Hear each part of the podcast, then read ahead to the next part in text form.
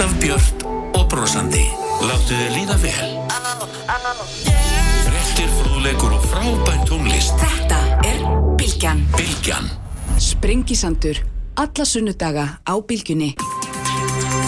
Sælilustundur höldum að stað hér á Sprengisandunum eins og leiði líkur þegar verða hér í lok þáttur Andris Jónsson og Ólafur Haugsson almanum tengla, við ætlum að fjalla þá um háum í Katar og eitt og annað svona sem að, að því tengist uh, ímynd meðal annars þeirra fyrirtæki sem að vilja tengjast þessum risastóra viðbörði uh, og, og fleira svona náskilt. Uh, Katrín Jakobsdóttir fórsettsræður verður hérna með allir og leiti fjöllum þar meðal annars um bankasöluna líka fleiri stórmál sem hafa verið í deglunni að undanförnu, Þeir, þau verða hér beint af COP27 ástöfnunni auður Anna Magnúsdóttir og Sigur Hannesson en fyrsti gestur í dag, góði gestur Pavel Bartótsek, velkomin Pavel.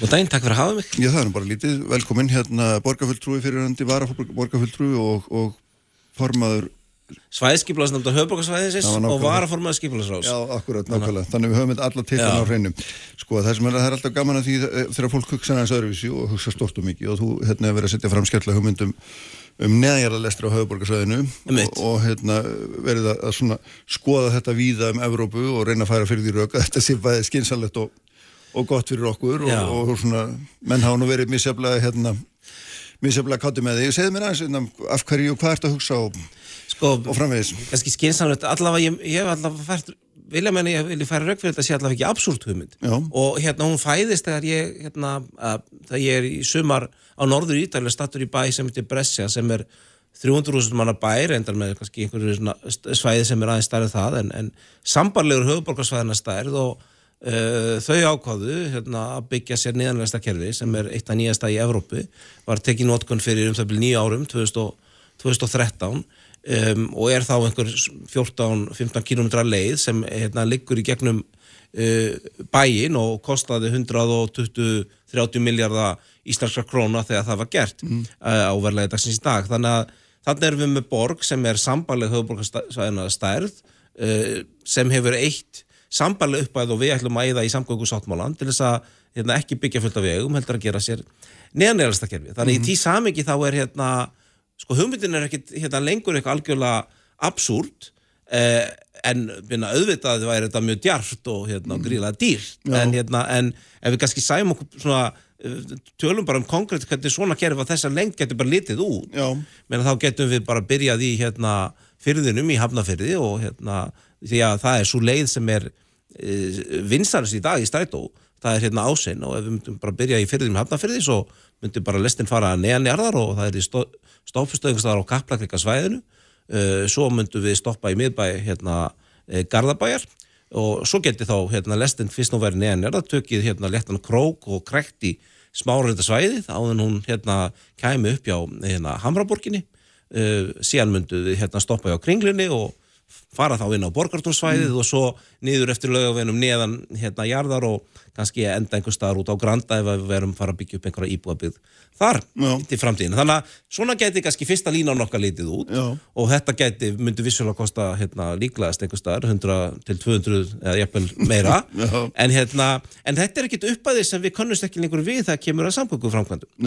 Þannig að uh, þetta er svona einhvern veginn upplegið sem, hérna, sem ég veist alltaf að við við, við ræðum uh, sérstaklega það kannski ef að borgarlínan kemur til að ganga vel mm. uh, borgarlínan gerir á fyrir að, að við getum aukið mjög hérna burðagetu eða svona flutningsgetu almenni samkvæmum kervisins upp í þá 12% allum ferðum en ef við ætlum að fara eitthvað mikið meira en það þá er borgarlínu sko kerfið sjálf, það hefur heldur ekkit endalus að burðagetu þá hérna grýpa mér oft til þess að búa til kerfi sem hafa meiri hérna flutningsgetu. Já, þannig að þetta er ekki, þetta er ekki hugmynd sem er sett til höfus borgarlínunni heldur eitthvað með einn svona framvaldaðinni frekar eða hvað? Já, í, í, í, í rauninni. E, hérna, ég myndi segja ef að borgarlín gengur vel, mm. þá er, er röggreitt eins og er gert víða að hérna, auka flutningsgetu þessar kerfa, þá annarkvort með að setja það á spór í formi léttlesta eða hérna, ef að það er hérna, líka orðið hérna, sprungið að, að fara, fara með lestina neðanjarar og, hérna, og ég nefnu þetta það að, að sko, á Íslandi, ef við myndum setjum peningan aðeins til hlýðar að því að ég veit að þeir eru, svo það sé sagt, kannski mest í veikleikin í þessum hugmyndum. Ef við lítum á aðra þætti, þá hafa neðanleistur auðvitað ótvírætt að kosti á Íslandi, eitt þeirra er allmis bara veðrið. Hérna, það væri það er mjög, væri mjög gott að geta bara farið neðan jarðára einu stað og komið hérna upp og verið bara í hlýju hlýjum vagning við höfum þetta orku sem hérna við getum nýtt og hérna það hvern, að láta lestir kera rafmagni bara leist vandamál hefur verið í marga áratví öfut við kannski eh, hérna bíla sem er þetta sem það er ennþá í þróun og svo svona til lengdar þá e, eru nútíma neðast að kera við öll sjálfvirk þar sem við þurfum þá ekki í staðsfólk að býstur alltaf að kera þessar lestir og við vitum að við búum í landi það sem kannski hérna, já vinnuaflega er dýrt þannig að það er svona auðveldra að skala þessi keru upp hérna uh, þannig, þannig að mér finnst svona hérna, margt alveg að tala með því að við hérna, þórum að hugsa þetta og reytskóum ekki draumur okkar sko. þó, svo, þó svo við getum síðan hérna, ákveðið að, hérna, að þetta sé ekki tímabart akkurat núna. Já, akkurat, en það er svona, ef maður bara tekur sko, umræðin um borgarlínuna Já. sem dæmi þar sem að hérna, mjög margir teljan að vera einhvers konar, eins og þetta frækt er allagað engabílnum Já, sko þá, þá, hérna, þá er þetta einhvern veginn svona mjög róttækt til Já, veist, að, sko hún alltaf einhver leiti Eh, neanarlest er minni alla engabildum að því leiti að, að neanarlesti taka ekki pláss mm. ofanjarðar og það er þetta þeirra hérna, stóri kostur ástæðan fyrir því að menn hérna, ráðast í neanarlesta kerfir e, víða er þetta svo bara landur ofanjarðar og það dýrta er því bara mjög dýrta Já. kaup upp allt á leiðin en á þann hátt er þetta hérna, er, er þetta neanarlest minni alla að því að hún hérna hún er ekkert að taka neina rakreinar af hérna já, Suðlandsbröð til dæmis bara, það er að svona neðan sko. en, en hún auðvitað er hérna, uh, partur af þeirri þróun að hérna, á hugmynd að reyna að gera almenni samgangur samgefnishæfari við engabílin og draga þannig úr þörf á því að fólk mm. þurfa notan Já, nú veit ég að þú hefur hérna, talað fyrir, þú talar hérna, talsmar engaræstrar mm -hmm. almennt og heilt yfir mm -hmm. hvernig sér þetta fyrir þér? Þú ert líka að fjalla um samgöngur í núttímanu meðal annars rekstur á, á bílaflota strætisvagna og þess áttar þess að þú ert að hugsa til þess hvort að það sé ekki rétt að enga með segi í bílaflotan. Hvernig sér þetta tengjast? Já, það er, það er ágæðið spurning. Það er til, ó, það er til svona misjafnar hérna, útvæslu á því hvernig mann reyka eh, nýjanregastakerfi eða lestakerfi almennt. Hvort mm. það sé hérna bóðið út en ef maður er sko, sko raunsær þá er það auðvitað þannig að það er því mjög erfitt að búa til virt samkjöndis umhverfi kringum útbóða og rekstir nýjanýraresta kerfa. Það er alltaf, bara alltaf einna aðili sem myndi hérna, e, sko, sjá um það. Þannig að það er, hérna, það er í því eðli fólki svona sjálfkrafa fákjefni. Þannig að hérna, ég treysti mér ekki alveg þess að ég er kannski ekki komin á rekstralformið e, þarna en, hérna, en það er kannski ekki beinist að e, gangur út frá því að hérna, það er því hérna verið raunhaft að það er því sko einhvern veginn í engarekstri. Nei, nei, akkurat. En tengist þetta einhverju leiti hugmyndum um það að leggja einteinung til keflaugur? Eða flugveldin þar? Er þetta úr alltaf? Já og nei og það er svolítið þetta, hérna, vist á Íslandi og kannski ef ég namnið annan ógóstu hugmynduna, þá er kannski sá ógústur að við höfum ekki mynda mikla þagþekkingu til staðar á Íslandi varandi lestir, þannig að við þurftum bara að hérna, opna fyrst, lestaverkvæði línu í háskólanum og byrja að menta fólk til þess að afla sér þekkingar. Eh, neðarlest og svona háhraðalest er svolítið ólíkt fyrirbæri.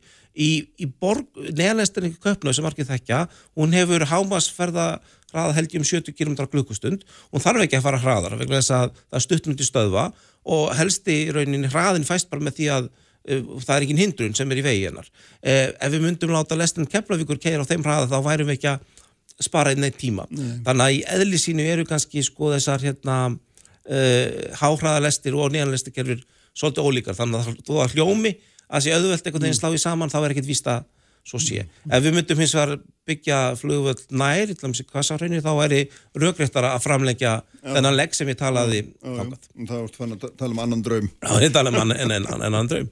Já, en hvað hva, hérna svona, hvernig, hvernig er svona drauma hugmyndum tekið yfir höfuð til að setja þetta fram? Já, ég menn, ég hérna, fengi nú að fara í nokkuð viðdöl og hérna, fólk er almennt, hérna, sko, ég held að margir, sko, sjáu þetta alveg fyrir sem ekki ákvæðum augum og ég kannski aftur ef ég fer hérna til upplöfumina frá Ídalju sko, þá fannst mér sko, þegar, þegar ég eh, ferða mitt á flugvöldin sko, frá hérna Brescia á flugvöldin Verona fórst í því að maður fór niður hjá hótelunni neðnæra lest sem fór maður, maður beint á lestastöð sem uh, fór maður síðan sko, í Verona sem er hérna, lengra frá enn Keflavíkur flugvöldur en það, það ferðalag tók rétt held um 40 mínútur.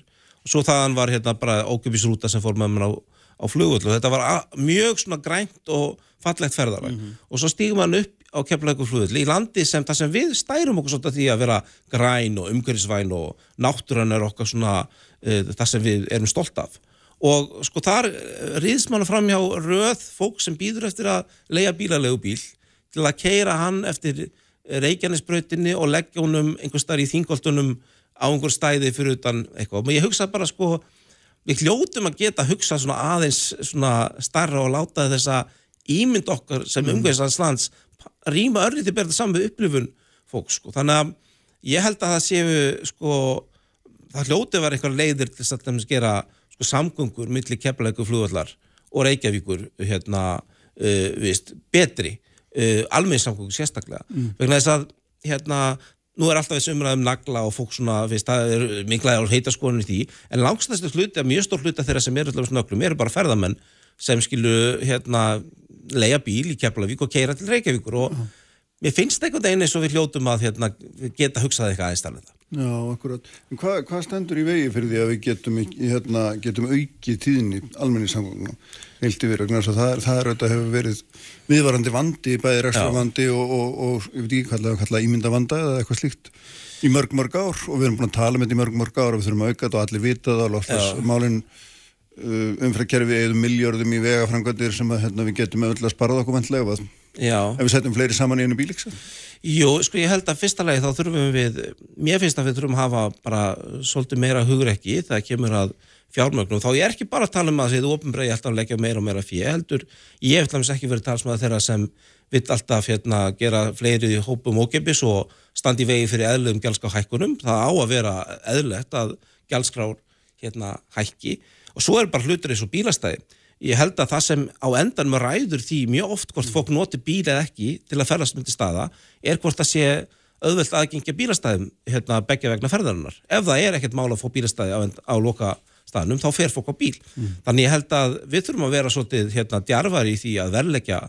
land í miðborg og á öðru svæðum hérna bara þannig að að sé ekki sjálfkrafa að þú fáir þar hérna bílastæði. Það ertu komin á slóð sem að anstæðingaðinu myndi kalla þvingun. Vinga fólk út á bílum, ekki? Ég myndi bara kalla eðlega verðlegning á landi. Hérna, fyrst það er hérna, ég er ekki að tala um neitt annað heldur en það að ef þú hérna ætlar að nota 20 fermetrar meðaltali í miðborg til þess að hérna geima faratæki sem þú nota alltaf ferðast, þá bara borgar það fyrir það, eh, viðst, eðlert gjald. Mm. og við erum auðvitað svona að stíga skref í svona þá átt, við höfum auðvitað haft gjaldskild í bænum í langan tíma en, en viðst, ég held til dæmis að við þurfum að hugsa það að hérna að taka upp gjaldskyldu á sunnundögum, við þurfum að taka upp gjaldskyldu starri hluta sólarhings vegna þess að allir þessi ferðamenn sem koma og leggja bílnu sínum náttúrulega gera það ógefist að stórum hluta því að fyrst, mm. á nóttunni hérna, borgar mér ekkit já, já. en hérna svo ég farið svona áfram aðeins að velta það þá já. mögulega þurfum við þá samt að hugsa aðeins aðra tekni sem er til staðar eins og hérna að það séu þá einhver bílar að líti fartæki sem keir um og aðtík og tók ekki greitt, ég held að sé ekki endala góð hugmynd að senda bílastæðverði á minnætti að hérna á förstundarskvöldi að leita upp sökudólka en þá þurfum við mönnulög En sko, um leiðu ert að tala um þetta hérna, engarastunum við þá ertu líka stundum að tala um í, í pislum sem við skrifað um það að, að þið ofnbæra eigi að styðja við almenningssangungur Mm -hmm. og, og þú telur það til dæmis að það sé jafnæðilegt að það gerir það í Reykjavík nætustrætt og svo dæmyndið tekið sem skjáður um daginn eins og þessi hérna, eins og flög út á land. Það, getur, það sé alveg hægt að færa sambarileg rauk fyrir, fyrir slíkum Já, sjálfsög og það er nú víðast hvar sem hérna, ríkið stiður við almenningssamgöngur með, hérna, eða hefur ofinbera með einhverjum hætti.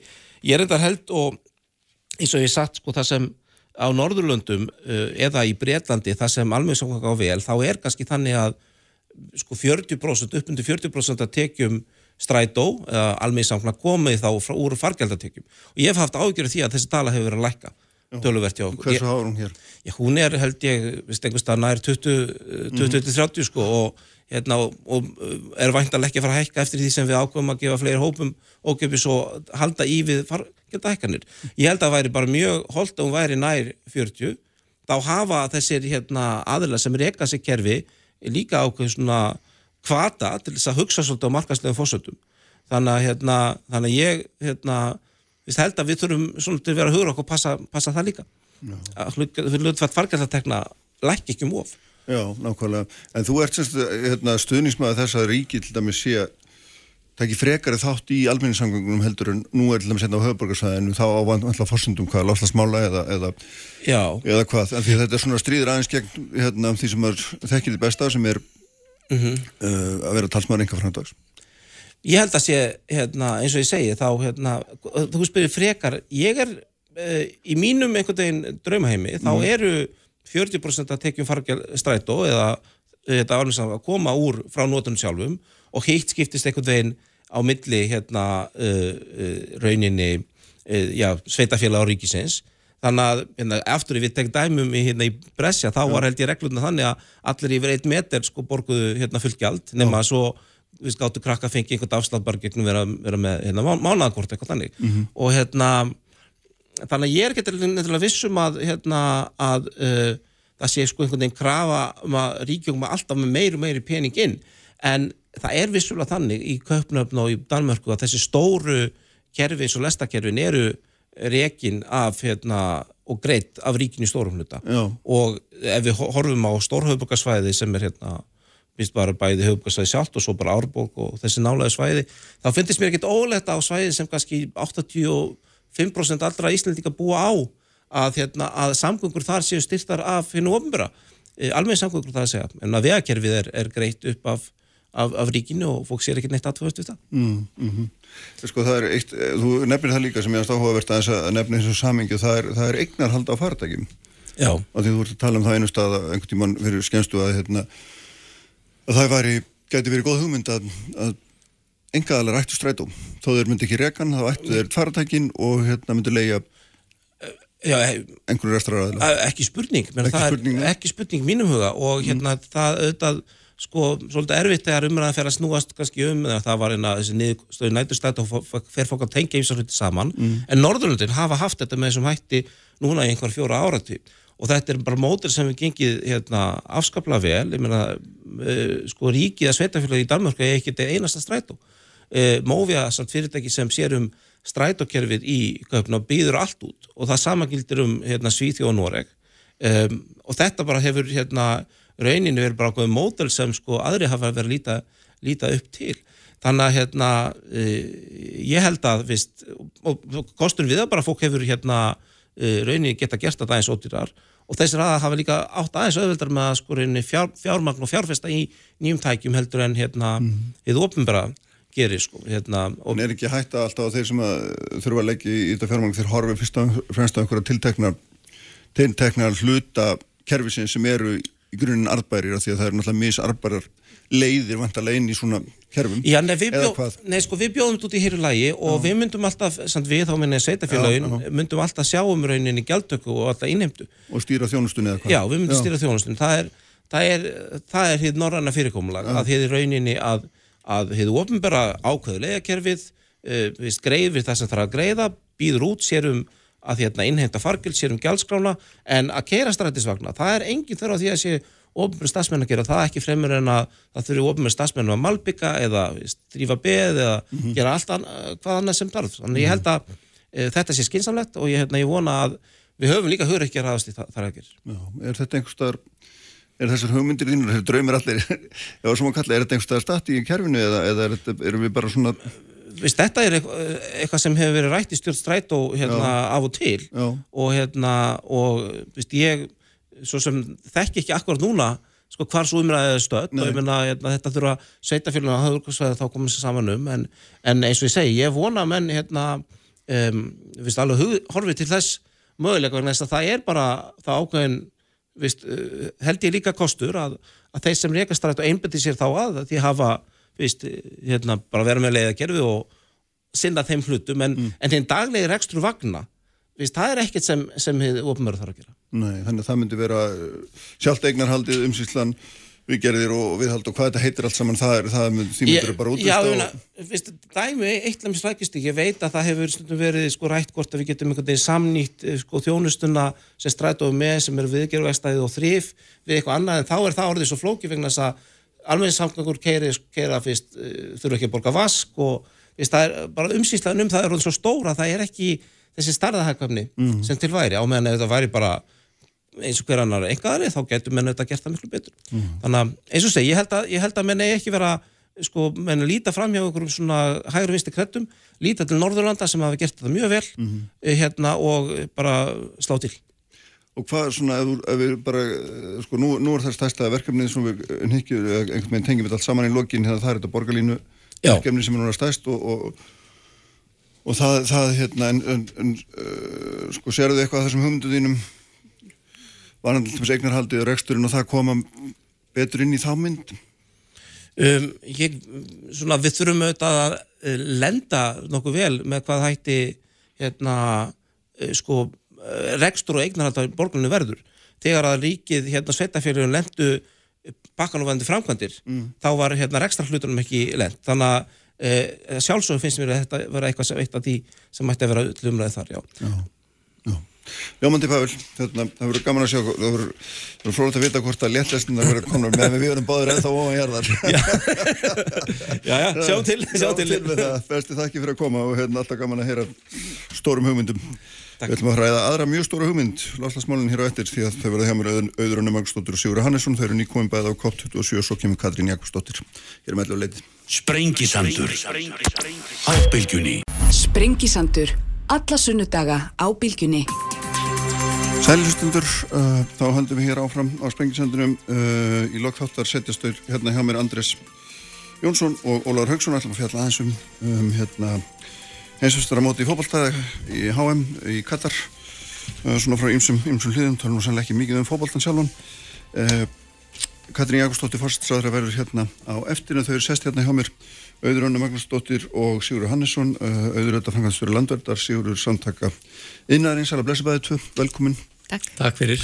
Þið eru bæði fersk nýkomið frá Egiptalandi og hérna það sem ætlum við að tala eins um, um þessa ráðstöfnu, miklu ráðstöfnu sem að sem að manni sýnir svona fréttum að hluta til hafi gengið bísna vel en þó eru líka að maður sér vonbreiðarattir líka og þarna þetta er rísa, rísa stórt apparat og stendur í tvær vikur og svona kannski aðeins flóki fyrir utan að komandi átt að segja á því hvernig neila þetta fyrir fram og ég ætlaði að vera brattur og lesa í gegnum álíktanirnar og það var í torfa það var ekki, það var ekki, no, var ekki nokkuð lifandi leið átt að segja á því hvað er að gerast þarna og, og hérna, en ef, ef við bara aðeins svona byrjum bara aðeins að því lýsi aðeins ykkar svona upplifun að þessu og, og, og, hvort ykkur finnst þetta hafa skilað okkur eitthvað áfram Viltu byrja sér úr? Já, takk fyrir það. Sko, það, það ég verð að segja eins og er að sko, ég fyllt í spjart síni við það að fara á ráðstöfnuna og, og fara um svæðið. Þarna er sko, miklu meiri áhersla en ég hafði gert mig grein fyrir á lausnir, á aðgerðir, á fjárfestingar, nýsköpun. um, það er mikill metnaður og við sjáum það að þarna eru ólík lönd að kynna sín markmið og aðgerðir uh, möguleika á fjárfestingu, þarna eru fyrirtæki sem er að kynna lausnir hvað þau hafa fram að færa og þarna eru líka fjármálastofnunir sem er að leita verkefnum, uppbyggingaverkefnum sem að raunverulega draga úr losun. Og þetta er kannski öðruvísi heldur en sko svo lýsing sem við fáum að heyra af í fréttum sem að snýstu þetta miklu leiti um samningaviðraður ríkjana sjálfra. Já, já, já, um, þannig að sko það er sitja lokaðar inni í, í hérna cirka tvær vikur og og náðu að lokum niðurstöðu snemmi morgun. En í rauninni ráðstefnan er svo miklu miklu meira heldur en bara það er samningaviðraður Þetta ríkja samkóla Já. já, já. Hvað segir þú öður, hvernig svona hvernig kom, kom þetta þér fyrir sjónir og kemur? Já, ég tek alveg undir það. Það var gaman að sjá nýjar hugmyndir mm. sem að margir eru með að setja fram hana. Það kom mér á óvart hvað þetta er svakalega stórt batteri. Þetta eru, það eru svona eh, fullt af skálum sem að þjóðir fyrirtæki samtök eru með. Og hver og eitt skáli er með dagskrá jafnvel í allar tvær vikurnar. Þannig að hver og eitt skáli er með e, fyrirlestra og uppákomur í tvær vikur. Þannig að hver og eitt skáli er eiginlega lítil ráðstefna. Já. þannig að þetta er, Sjálfstæðar heimur út af fyrir sig. Já, svona einhver leiti. Og, fyrst þú nefnir það þá kom mér líka svolítið óvart hvað um, þetta var svona segregerað sagt á fyrirlestrum til dæmis hjá Indlandi þar sem þeir voru að kynna mjög nýtt skemmtilegt verkefni sem heitir hérna Life for Environment eða, eða eitthvað svona sem mm. að, e, átt að taka svona heildar sína á þetta allt saman raunverst gerfa og loslisbreytingar og allt saman og, og manneskjur og, og samfélag þar voru bara indverjar mm. e, og sama með e, þar sem að e, Eiríki Kirrahafi voru að fjalla um bara það að þau eru virkilega byrjuð að flytja fólk af eigunum af því að þær eru að fara að sökka Já. þar var ekki að sjá annað en að væri bara fólk frá þeim svæðum og eins í norranna skálanum. Þar virtust að miklu leiti bara vera, vera hérna Norðlandabúar Norðurlandabúar þannig að og, og svona við, maður sá mjög svona greinilega litapallettu inni í skálunum sem að er greiðlega sorglegt og segir örgulega sko margt um það hvernig heimurinn er við erum ennþá mjög segrigerð mm. mm. En sko að því að þér, eh, það er alveg rétt að maður hefur þess að mynda sér að þetta er fyrst og næst einhvern einhver samningafundur mm -hmm. en það er eins og því nefnir miklu miklu meira að gera stanna og allt og öllum mögulegum áttum og þar sem maður sér þetta svona er að það er, það er mjög hérna, sterk nála til dæmis uh, oljuframlæslu fyrirtækja á svona, á svona stað sem maður aðeins kom, kom mér á óvart að þau skildu vestir að stinga haustum þarna inn því að þarna hljóttum að samplast saman líka allir helstu mm -hmm. anstæðingar þeirra en mér, hvernig er, er svona díalókurinn er Er hann svona skapandi og áframdrifin eða er þetta stál í stál? Sko heilt yfir myndi ég segja það að allavega ég upplefa þannig að, að hann var skapandi mm. og, og svona lausna miðaður og fólk svona bara kynast í hvað aðrir er að gera og, og miðla af, af sinni reynslu og svo framvegs. Það var gaman til þess að fara um, um ólíka skála því að auðvitað nefndi Índland eða Indveska skálan. Þar var til dæmis gaman að sjá sko verkefni sem að þeir hafa sett upp sem voru held ég 75 aðgerðiða leiðbenninga fyrir almenning um það bara hvað er hægt að gera í daglegu lífi til þess að draga losun, svona hagnýtt ráð. Uh, við sáum til dæmis skála Tæland þar sem að voru metnaða full og tímasett markmið sem að snúa að þetta losunin líka kannski að orku og, og svo byggingariðnað og, og fleira. Sama með Malasíu bandaríkinu, koma sterkinn núna mm. sem þau hafa dróðið svo náttúrulega hlýja um, um skeið Eh, þar eru kannski tvö verkefni sem voru áhugaverði. Ég fylgist með orkumur á þeirra bandaríkjana segja frá verkefni sem heitir Net Zero World og er snýrað samstarfi bandaríkjana og ímis að sjóða og stofnana til þess aðstóða valin ríki til að byrja með, víða um heim til þess að setja sér markmið og, og fara í fjárfestingar og síðan er hitt eh, prógramið þeirra sem að var kynnt núna bara í ágúst ef maður rétt sem að heitir eh, svona dæmi um, um pólitíska snild, það heitir The Inflation Reductionary Act en snýst raunar um, um sko loftasmál Já, þetta er stóra hérna, já, eru, stóra fjárhastu bæðins Já, já, já snýst eins og um yfir 300 miljard dollara fjárfestingar í orku öflun, endur nýja orku og, og bæltri orku nýtni og, og svo geti haldið áfram, þannig að það var mjög ágætt en gott að sjá þessar áherslur en eins og þú segir þá voru svona ólíulöndin, sérstaklega eh, Arabalöndin áberandi þarna og þau þetta beittu sig mjög í áhennu lokaða svæði samningavirðanuna gegn því að það væri hveð sterkar að orði um samdrátt í nótkunn jarðarmennelstendis er lagi ólju. Já, það sem er náttúrulega hérna, í loka álegturinn allavega það, það veðamenn sem er hefur af henni að það er, það, er, það er mjög lítil breyting frá því fyrir ári í Glasgow.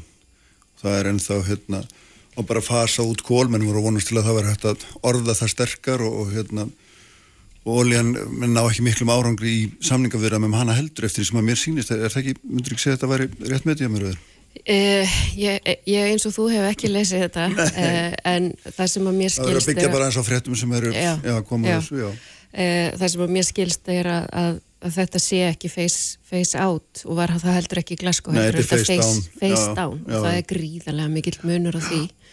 E, það var verið að tala um að, að e, hafa inni allt í jarðefni elsneiti, ekki bara kól mm e, ég bara veit ekki hvort að það, það náðist en að samaskapi þá er það bara face down. Já, já. það er ekki commitment, við vitum alveg við verðum að hætta að nota jarðefni elsneiti nema einhverjum gríðarlegum undantekningatilvöldum og þó ég sé sammála segur þeim að það var mikil gerjun og mjög margt að gerast og rosalega gaman að heyra ólíklegasta fólk tala um sko hérna akt ná og hérna og það hefur bara verið að gerast núna undanferðin ára, ég veit ekki sjálfsmyndin mín er svona e, farin að byggja nekki því að sko, verstu íhaldsfólk er farin að tala eins og hérna, svakalegir umhverfsvenda sinnar.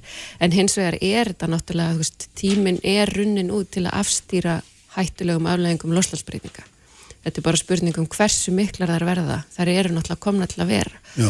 þannig að það er svo seint að fara núna að tala um markmið og aðgerar áallanir það verður bara að fara í alvöru aðgerir og ég held að því miður hafi á þessari ráðstefnu engöngu náðst að verjast því að, að lönd sem að vilja til dæmis e, e, ganga aftur á bak með að við, við Parísasamkvæmulegð verjast því að þau næðu sínu fram Já.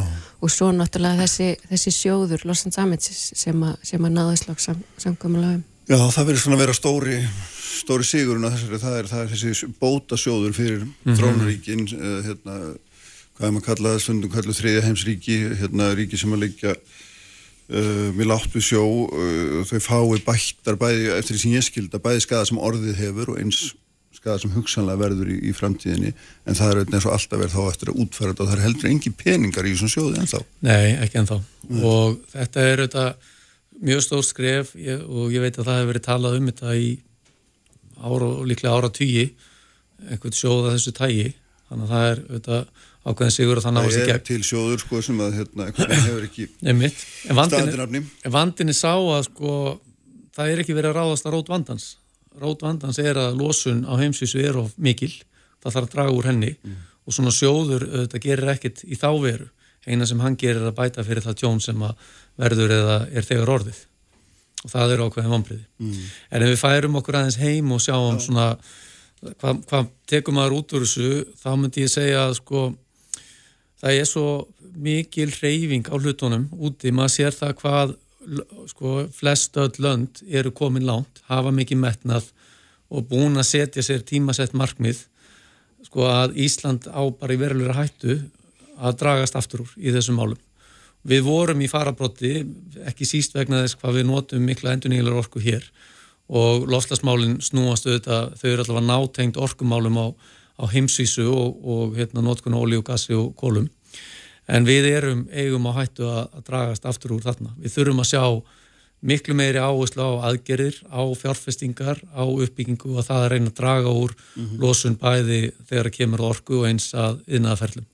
Mm -hmm. Ég held að það, það sem þarf að skoða þar er hvort að það sé rétt að að sko hvað ég segja, að ráðunitið eða embætsmenn í, ráðunitinu leiki svona stórt hlutverk vegna þess að þetta er samstagsverkefni í alls samfélagsins og þetta er ekki bara okkar samfélags heldur bara alls heimsins.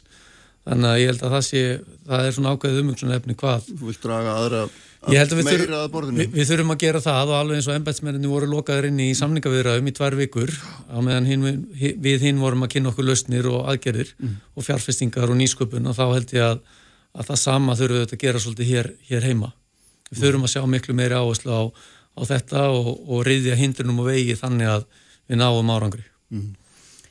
Já, við höfum rætt svolítið hjá okkur, bara svo ég held ég alveg áfram með þetta, já, þennan, já. Hugs, þessa hugsun hérna um, og krafa frá hérna, Extinction Emergency í Breitlandi var sem sagt að uh, það erði farið í uh, það að finna alvöru aðgerðir með því að halda þjóðfundum loslasmál þar sem fólk var í valiðin á, á fundin með slempurtæki. Um, það getur verið rosalega skemmtileg tilraun mm. um, og ég er sammála segur þeim það, það er, það er svolítið slemt hvað ráðnetið er aflokað en hins vegar hefur e, atvinnulífið og innaðurinn, þau hafa þennan samráðsvettvang sem er grænvangur við höfum engan samráðsvettvang við, við umhverfistræðanrítið um, um aðgerðir við höfum miklu minni aðgang e, að því e, samt erum við svona myndi ég segja svona helstu sérfræðingarnir í því hvað, hvað þarf virkilega að gera. Og við erum búin að vera að tala um þetta rosalega lengi. Mm. eh, á meðan atvinnulífið er til dæla nýkomið inn í þetta. Eh, og svo er ég náttúrulega ekki sammála því að við höfum verið í fararbráti í loslasmálum, við höfum alltaf verið með mjög mikla losun eh, á íbúa. Eh, saman þó við séum, séum með mikið endur nýjalega orku sem er, er hérna lofsvert. Mm. en en það er algjörlega þannig að þetta er verkefni all, alls samfélagsins og það mm. sjáum við greinilega á þessum fundi. Já.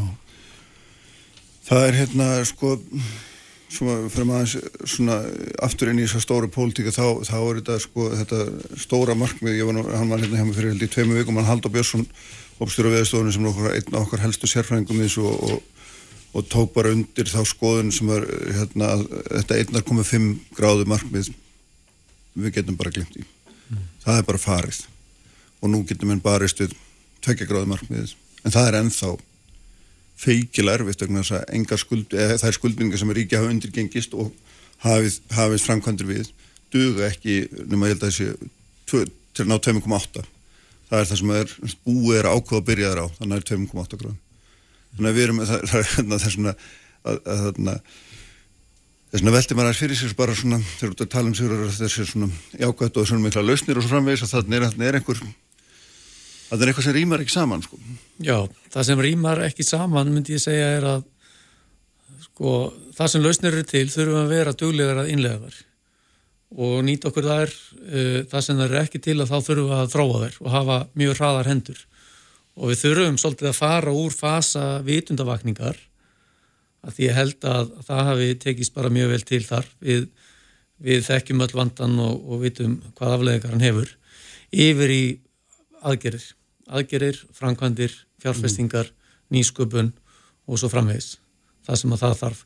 Og sko uh, fyrirtækin þekkja það til dæmis mjög vel hvernig þau geta dreyið úr losun. Þau rekast ofta á hindruna til dæmis í regluverki eða þá það að það þarf að, að þróa nýja tækni til þess að, að snúa tablinu við. Og það má vel svolítið segja það að við höfum talað um græna innbyltingu hjá samtökum minnarins og í ár höfum við helgað okkar starfsemi græni innbyltingu það má vel segja að græni innbylting hún er ólík öðrum innbyltingum að því leiti að hún var sett af stað fyrir nokkrum áratugum af ríkjum heims sem að komu saman og, og vildu bæta heilsu jarðar. Eh, aðrar innbyltingar urðu vegna tækniframfara, vegna þess að það var til dæmis til vélarafliða rammagn eða og svo framvegis færibandið, tölfur, sem að reynlega voru jöku afköst og skilvirkni og voru þannig hagkvamari heldur en fyrirvinnubröð og voru þess vegna innleitt.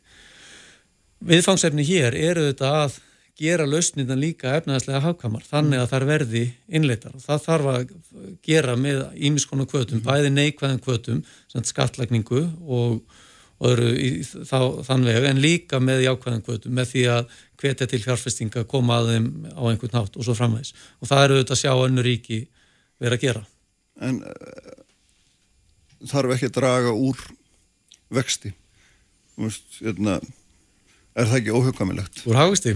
Já, já, bara, þú veist, í, hvað maður segja, úr nýstlu, ef það væri betra orðað þannig, draga úr nýstlu til þess að hérna, minka umsvið, af því að öll umsvið kosta orku og, og fljóðlegast leginn til þess að draga úr orkunótun lítur náttúrulega bara að vera einfallega að draga úr nýstlu og, og kannski er það bara eina leginn. Sko ég held að lausnin í þessu eins og ymsu öðru í lífinu sé bara markþætt, mm -hmm. hún samastendur af mörgum þáttum og þetta er þetta eitt af því og við erum að skoða bara sem samfélag þetta e, og temja okkur hugsun ringrarshaðgerfis og, og betri nýtingar og endurvinnslu og, og þar leðandi eru að ná árangri og hefum eftir að ná miklu miklu lengra þar mm -hmm. það er engi spurning en það eitt og sér mun ekki hjálpa til og mhm. koma okkur í, í mark við þurfum líka að huga að og það er náttúrulega viðfangsefni heimsins að huga að, að sko, orkukerfum auka vægi endurlingar orku og síðan yðnaðaferðlar af því að sko eins og við komum að áðan varandi yðnbyltingarnar að sko í grænu yðnbyltingunni erum við að endur hanna yðnaðaferðla sem urðu til í öðrum yðnbyltingum kannski á 19. öld um, þannig að við erum að reyna sko endur hanna þá og mhm. finna leiðir, nýja leiðir til þess að framleiða það sem við þurfum í daglegu lífi án, án sko jafn mikill áhrifa og helst engra á umhverfið mm. Já. Já, þetta eru, veist, þetta er eitthvað sem hefði þurft að gera og hefði kannski verið hægt að gera og var að einhver leiti reynd svona fyrir 20-30 árum þegar við byrjaðum að tala um afleðingar, loslagsbreytingar raunverulega. Þetta er náttúrulega 2007. koppraðstöfnum. Það var nánast ekkert gert. E, það var beðið og beðið og beðið eftir tæknilausnum sem að ekki eru komnar að neynuleiti e, núna er ekkit annað í stöðinni en að draga virkilega hratt úr losun með því að draga úr umsöfum. Hvaða áhrif það hefur á hagvöxt, það verður að fá að vera í öðru sæti. Mm. Hagvöxtur getur ekki alltaf trompað allt. Og ef að við erum að reyna að búa til betri heim, þeir sem að tala fyrir hagvexti, ég er ekkert á móti hagvexti, mm. en hann má bara ekki vera markmið sjálfu sér. E, þeir sem að tala mikið fyrir hagvexti benda á að, að hérna hagvextur drífi áfram til dæmis e, minni ungbarnadauða, drægi fólk úr sárafátækt. Ef að þetta eru markmiðin, þá þurfum við að setja það sem markmið, ekki hagvöxt, sem einhver svona óbeina, hérna, e, einhvern óbeinan mæli hvarða á það sem við viljum sjá. Mm -hmm. Og við höfum náttúrulega heimsmarkmiðin eh, sem að saminuðu þjóðarnar hafa sagt að eru bara þetta er góði heimur sem við viljum hafa og við þurfum að vinna að þeim e, líka þegar við erum að hugsa, huga að hvaða aðgerið við ætlum að grípa til í lofslagsmálum þá mega er ekki e, ganga gegn öðrum markmiðum. Og ef við höfum heimsmarkmið saminuð þjóðanar leiðaljósi sem eru líka í mjög vondum málum þau eru til 2030 e, og ekki gengur nú vel í mjög, mjög mörgum þeirra. E, þannig að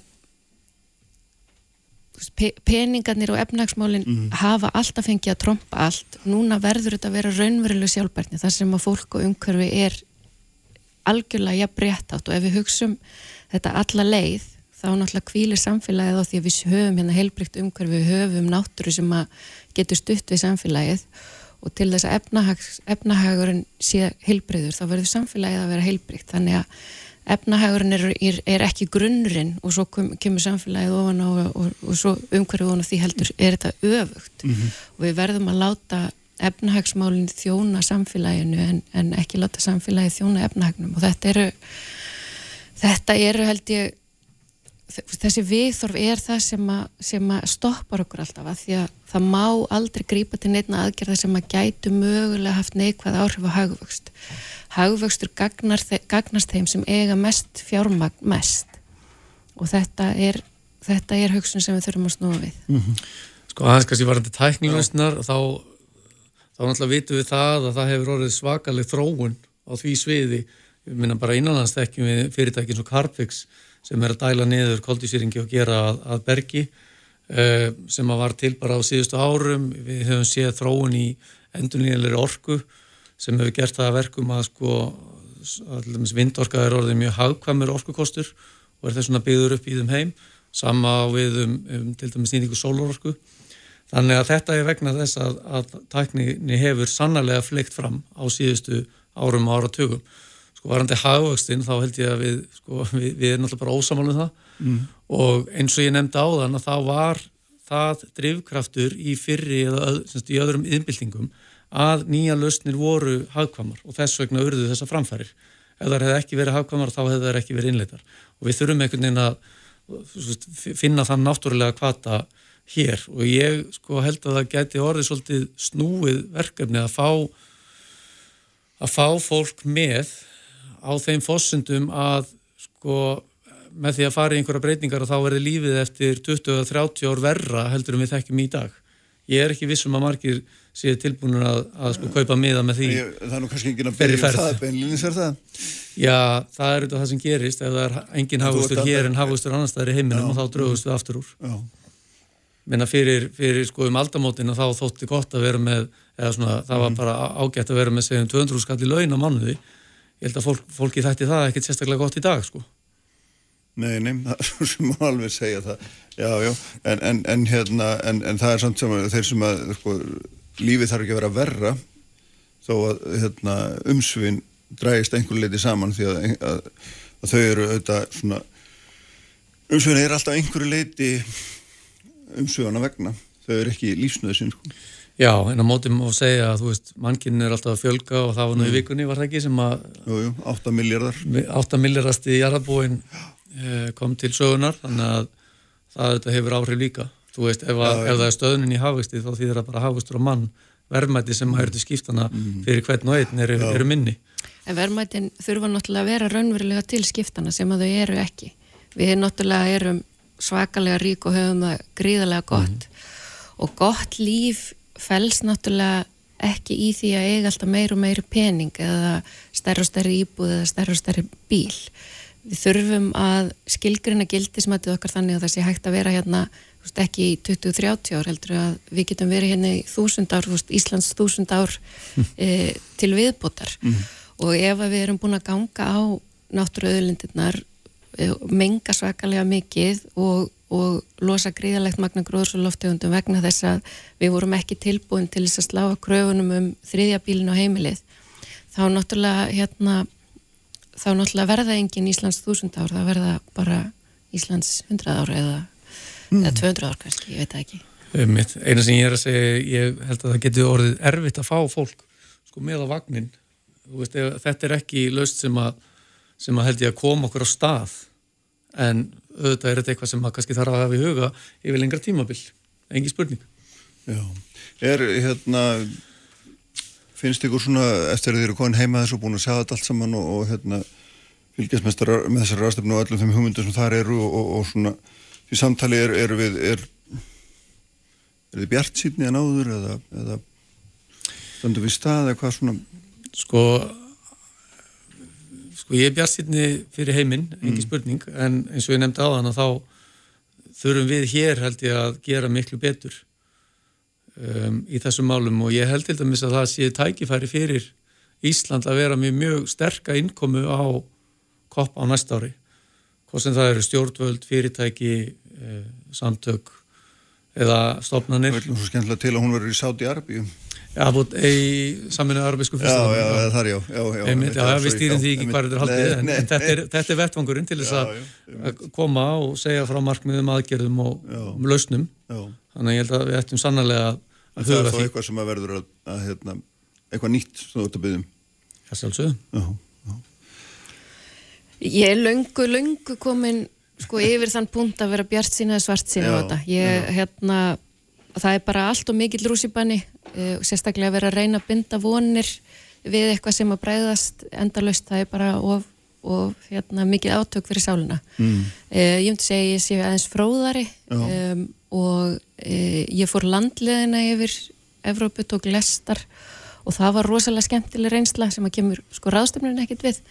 Og ég hitti við fullt af skemmtilegu fólki og, og talaði við mjög mikið af eins og Sigurður segir, mjög mikið af fólki sem er með svakalega skemmtilegar hugmyndir mm -hmm. en það er náttúrulega þannig að sko á þjóðatíðadaginn fer maður í sparifutin þegar þú ert að fara á svona loslæsastöfnu þá setur þú náttúrulega það fram sem þú ert stoltastar af og mm -hmm. hérna og, og, og geymir skítuðu nærbjörnsnar í, í orðnatöginu sko. það er engin að koma á svona loslasrástöfn og segja heyrðu við erum allt neyrum okkur og þetta, þetta gengur ekki sko. nei, nei. þannig að það, það er náttúrulega þetta, þetta verður svona síning á hérna, öllu því flottasta og, það, það er bara akkurat í því samingi sko, það er veist, umsvef í oljuðinnaði mm. er alltaf ekki að draga saman Nei, aukast, akkurat. akkurat á þessum tímum þar sem að lókíkinn hefði, hefði leitt manni hinn já, já. en það er til dæmis líka okkar, okkar stæstu tækifæri á Íslandi mm. og það er þau feilast í markmiði stjórnvalda um að Ísland verði óháð jarðarmjöleisniti og þar eru lausninda þekktar svona miklu leiti það áður þetta að ná, ná aðeins betri tökum á tækninni varandi skölun og annað en, en lausnindar eru þekktar þannig að það er verkefni sem að sem að mun held ég koma okkur í mark, tækninni vonandi flegir þannig fram að, að við þurfum minni orku en við sjáum fyrir í dag en, en enga síður eru eru okkar helstu tækifæri mm. á, á þessu sviði. En samhliða náttúrulega því að við leggjum af jarðarnesnæti þá þurfum við þetta að afla afla meiri orku, akkurat það er, það er nú ennitt efni sem já, við höfum sko- rættið náður sko. Já, ha.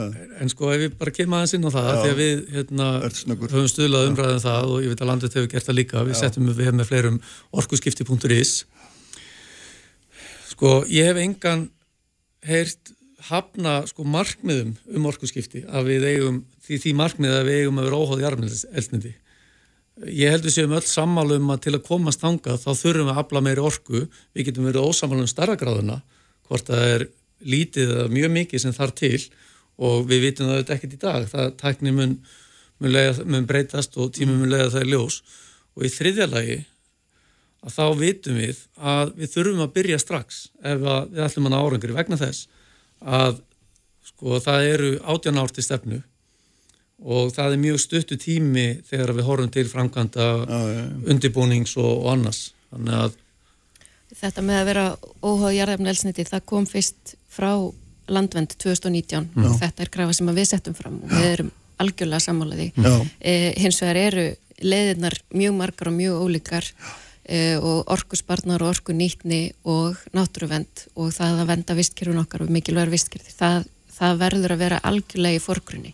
Ekki það að auka umsvið og sjá til þess að við getum haldið áfram með sama ósjálfbara kerfið og við erum með bara að gera það rafdrifið. Það er engin lausn og við vitum það, við erum þá bara að fara að rekast á næsta vegg eftir nokkur ár. En höfum það í huga að orku skiptin eru félast í því að, að ekki að nota meiri orku heldur nota svipað magn orku og við erum með í dag nema í staðin fyrir olju og þá notum við aðra orkugjáða sem eru hreinir. að við bættum þeim aukningu, þeirri aukningu umsöfum sem verður bara sjálfkrafa inn í framtíðan ekki satt Jú, svo er það bara sérstök umræða þetta, hvernig það verður, en, en það verður líka að hafa það í huga að yðnaður er eina útlutningsgreinin sem að nota hreina orku á meðan ferðarþjónust og sjáratvör brenna olju til þess að afla sinna verðmeta. Já. Herðu, við skulum ræða hérna orkuöflunina við betra tækifæri. Við höfum hérna svo sem oft auður eh, rætt þetta áður og hérna gerum það aftur líka. Herðu, takk ykkur báðum fyrir að koma og hérna gaman að fá einsýn í, í þetta hérna. Þetta er meira hljómaði meira eins og vörusýning heldur en rástefnaðis líst þessu. Já, Herðu, það er rétt. verður það ekki bæðið tvö. Katrín Jakobsdóttir fórsettsræðra hér eftir augnablik. Sprengisandur Á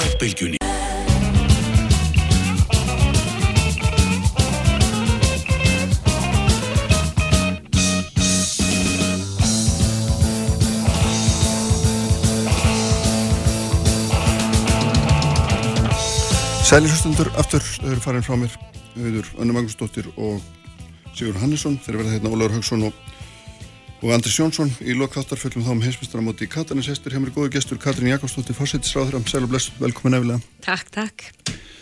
Það er margt sem brennur á. Og hérna langaði að ræða kannski aðra tvömál við sem er annars vegar þessi banka bankasölu skísla og hins vegar reynum að fara hans í, í þessi útlendingamál sem að hérna hafa auðvitað verið mjög mikið í deglunni líka. Sko e, sko, mér staðan eitthvað svona. Ríkisendur skoðan skrifa skísla eftir heimildunum og gaglaflunum í sjó mánuði, svo er henni lekið það er nú gaman að því. En allir sem að töldu eitthvað að vera aðsölunni finnst þeir hafa, þeir hafa fengið hérna grunnsendur sínum en þær eru staðfestar í skýslunni þeir sem að töldu ekkit væri að þeir segja skýslun staðfesti það hafa ekkit verið að. Svo hérna í skýslunni kemur fram að, að bankasýslan veit ekki hvað hún er að gera og bankasýslan svara bara fullum hálsi og segir ríkisendur svo hann skil ekki við og svo áfram og áfram og áfram og hérna bankasýslunni leiða hálsi hún kunni ekki að reikna meðaltölu í Excel og, og hérna og, og, og þetta er bara og, og svo hérna, þetta er bara orðin einhver farsi. Það er ekki nokkuð leið fyrir okkur almúa að skilja hvað er eiginlega á segði hérna? Það er skrifu skísla á sjö mánum það skiptir nákvæmlega engu máli. Engu máli. Fólk lesa hana bara með sínum eigin glerum og enginn skiptur um skoðun eða hérna tekur nokkuð efnislegt út úr henni. Það er, það er bara mín núna, þessari viku þar sem að þetta hefur verið í deglunni Já, ég ætla nú ekki að vera alveg samanlegaður. Auðvitað lesa allir þessa skýslu með sínum glerum. Þannig er nú bara stjórnmála umræðan á Íslandi. Já, já, Hún er já. bara þannig að við mætum all með ákveðna fyrirfram skoðan til leiks og tökum það út oft sem hendar okkur. Þannig er þetta nú bara í ymsum meitt fleiri málum. En ef við bara svona aðeins reynum að að bakka og horfa út úr 30 feta hæð, þá er fossans, ég ætla að sko fara yfir í ör stuttumáli. Við megum ekki gleyma því Íslandsbanki banki sem kemur í hendunar á ríkinu 2016 sem stöðuleika framlega. Það er í raun og veru samstaða almenn á þingi um að þetta sé ekki banki sem eigin til að vera í eiguríkisins. Fyrst er hlutin sem þegar hérna þriðjungur er seldur, 35% hlutur er seldur í framkvæmt bankasíslunar, opið útbóð, gengur vel svona almennt, ég menna það voru auðvitað upp í gaggrinnisrættir þá líka, gleymum því ekki, en, en, en ekki háar, í minna mæli. Síðan er þessi sal á 22,5% hlut og þá strax vakna spurningar og gaggrinni að lokinni sölunni, í raun og veru eftir að við ákveðum ríkistjórnin og fjármálar á þeirra byrtir lista kaupenda uh, sem bankasíslan laðist gegn því að byrta. Þannig að þá kemur, þá, það koma upp ímsar spurningar og það er kallað eftir skýslu ríkisendurskoðunar. Og mitt mat á þessari skýslu er að hún sé góð. Hún sé Já. greina góð. Það er mitt mat. Ég líti ekki á hana eh, hvorki sem áfelli stóm nýja kvítvott því þarna er bent á stórulínunar, já, já, salan var almennt hagfælt fyrir ríkið, en það eru annmarkar. Og það er farið bara mjög vel yfir þessa annmarka sem mér finnst að við eigum að taka alvarlega. Uh, hér hvað er, þýðir hvað þýðir þetta alvarlega? Já, já, það er nú annað, því hér fara allir inn með ákveðna svona sín sem er kannski svona, er daldi svartkvít. Mér finnst þessi skýsla ekki vera svartkvít, mér finnst hún einmitt vera uh, þess Hún- eðlis já. að, hérna, að það er ekki ekkert að segja sko, heyrðu, ráð þar hann á bara að víkja eins og eru þetta niðurstaða, margra í stjórnarnarstöðinni en það er heldur ekki hægt að segja að hér var allt í fínasta lagi. Nei. það finnst mér ekki. Nei. og þá segi ég, býtu förum bara yfir þetta. Uh, í fyrsta lagi valið á aðferðinni sem er aðra áðgjöf bankasíslunar uh, strax þá vöknuðu spurningar þó að enginn hafi líst beinni andstöðu við þessa aðferð, þá vöknuðu spurningar um þessa aðferð hvort hún væri raun og verið til þess fallin að uppfylla markmið lagana þegar kemur að ekki bara hagkvæmni, heldur líka jafnbræði, já. og, og það var gagsæi til að mynda sem var aðal áhyggjaefni mitt í þessum málum Já. Eh, það er vegna þess að mér fannst gagsæið ekki hafa verið næjanlegt sem ég taldi að það ætti að byrta til dæmis þannig að Þessu listi við kaupendur. Bankasýslan bara öllum fullum hálsi og einhvern veginn bara, ég veit ekki maður, hverslega sennilega umræða er þetta í samfélaginu sko- þegar undirstofnanir ríkisins eru farnar að rífast ofinberlega og sko saka hverja aðra um, um sko algjöra vankunnátt og því við sem þeir Já, já, og sko ég segi það þegar bankasýslan segir, já það er nú ekki vísindi að selja banka heldur list. Mm. Sko alveg sama hvort þú lítur á þetta ég held kannski þetta sé bara hvorugt sko hvorki list nýja vísindi, en Mm. ég held að það þurfa að hafa í huga góða stjórnsýslu þegar verið er að selja ríkisegn Já. ég er nú bara svo einföld Já. að ég, hérna, ég ætla bara að halda því sem var til ekki haga gert eða hvað Já, það sem er bent á í skýrslunni, Mhm. ef við bara tökum hana alvarlega, það eru þetta það að sko ákarðanir, það er skortur á því að það séu skjálfestar og þar með þetta gagsæði tryggt þannig að hægt sé eins og það er orða að prófa Mm, ferlið eftir á. Ég menna, það hefur verið bent á það og það er nú hluta því að hérna það er ákveð að færi þessi aðferðir að hún hefur verið reynd annar staðar Já, já. og, og talin vel hefnuð og Já, bent til að mynda og á hluti ríkisbanka á Írlandi sem hafi bara gengið vel og það þó að fráviki hafi verið meira í verði en hér. en þá þurfum við að veltaði fyrir okkur akkur ekki ekkert ekki vel? Uh, jú það er þessi skortur á gagsæði sem hefur verið og ég saði í raun og verið strax í voru að mér finnist vera aðal málið í þessu þannig að þegar við ræðum um verð og hvort hefði mátt fást hærra verð og við debattur um það, það var á kostnað þá fjölbreytara eignarhals og allt þetta, þá held ég að stærsta málið í þessu sé kannski tröstið. já. Það er hérna það sem mér finnst vera svona Og stærsti vandinn og þess vegna held ég þetta fyrirkomulag sem við höfum verið með. það hafi rýrnað Já, ég, ég segi það, ég meina, það hvað afleðingar það hefur þarf, það hvað afleðingar hefur það að tröstið hefur rýrnað það þarf að endur skoða þetta fyrirkomulag á því sem við höfum haft um sölu á náttúrulega eru ætlið að eignarhlutum í bankanum. þannig að það er allavega minnst þú einn ákvörðun nú þegar Það er einn ákvörðun nú þegar Já. sem við, sko ég stend algjörlega við eftir að hafa lesið þessa skýrslu Já. síðan eru þetta fleiri spurningum En nú er, segir eitt stjórnaþingmaður fylgjaði ykkur fram hér Já. sko, hérna, að, að sko, aðtóasendir bankasýslunar við skýslu ríkisendurskoðunar séu bara allar aðtekli verðar og ég er bara að fara fyrir stjórnskipunar eftirlitsnefnd eða hvað þetta nú heitir og hérna veist, já, já, já, já, já það er heiminn að hafa á milli, en ég menna ég vil líka menna það að sko málinu líkur ekki með þessari skýslu stjórnskipunar og eftirlitsnefnd eru þetta svo nefnd sem við settum á með lögum til þess að fara yfir þetta, hún fer yfir skýsluna, hún kallar til ríkisendurskoðun hún kallar til bankasýslu, hún kallar til alla þá aðila sem hún vil kalla til svo til eru þess að langi fundir og allir segja það sama þeir hafa sagðu bara strax í vor og eins og þeir hafa ekki hlusta á neitt ekki tekið eftir neinu og það er bara all, alltaf sömu skoðanendar eftir sem áður. Ég meina það, það er þannig upplifið ég þetta. Er þetta ekki bara nokkur rétt lýsing hjá mér? Ég held þetta ég með marga. Personulega finnst mér að við verðum öll að taka þetta alvarlega, þessi annmarka sem er bent á. já, Og uh, þegar um er að ræða, og það er kannski spurningi sem ég tek út af þessari skýrslu, þegar um er að ræða sölu á ríkisegnum, þá gilda þetta önnu lögmál en þegar þú ert bara að selja þína eigin prívat eign á markmaði og þá, á markaði. Og þá komum við aftur að þessu með að rekja ákvarðanir skjálfesta ákvarðanir, að gagsa í ríkjum ákvarðanir. Og þetta finnst mér vera svona staðfest, getur við sagt, kannski að því þetta er það sem ég hefði á að gera við uppafi, ég ætla ekki að þykjast að vera eitthvað betri næri í því að, lesa það út úr skýslunni sem staðfestir, en algjörlega finnst mér þetta að koma uh, út og í raun og verið þessi kannski skortur og að gera grein fyrir því með skýrum hætti þegar þú ert að vega saman markmið eins og dreifingu eignarhaldi, verð og annað slíkt, nákvæmlega hvaða viðmið þú ert með og það er það sem kallað er listin ekki vísendi en það þarf eiga síður að hérna ríkja fullt gagsæði um það. Já, það þarf að vera einhverstað skjálfist hvaða aðferðum en alltaf beita Já, vandalega sem já. var ekki þessu tilviki. Og svo náttúrulega bara eftir á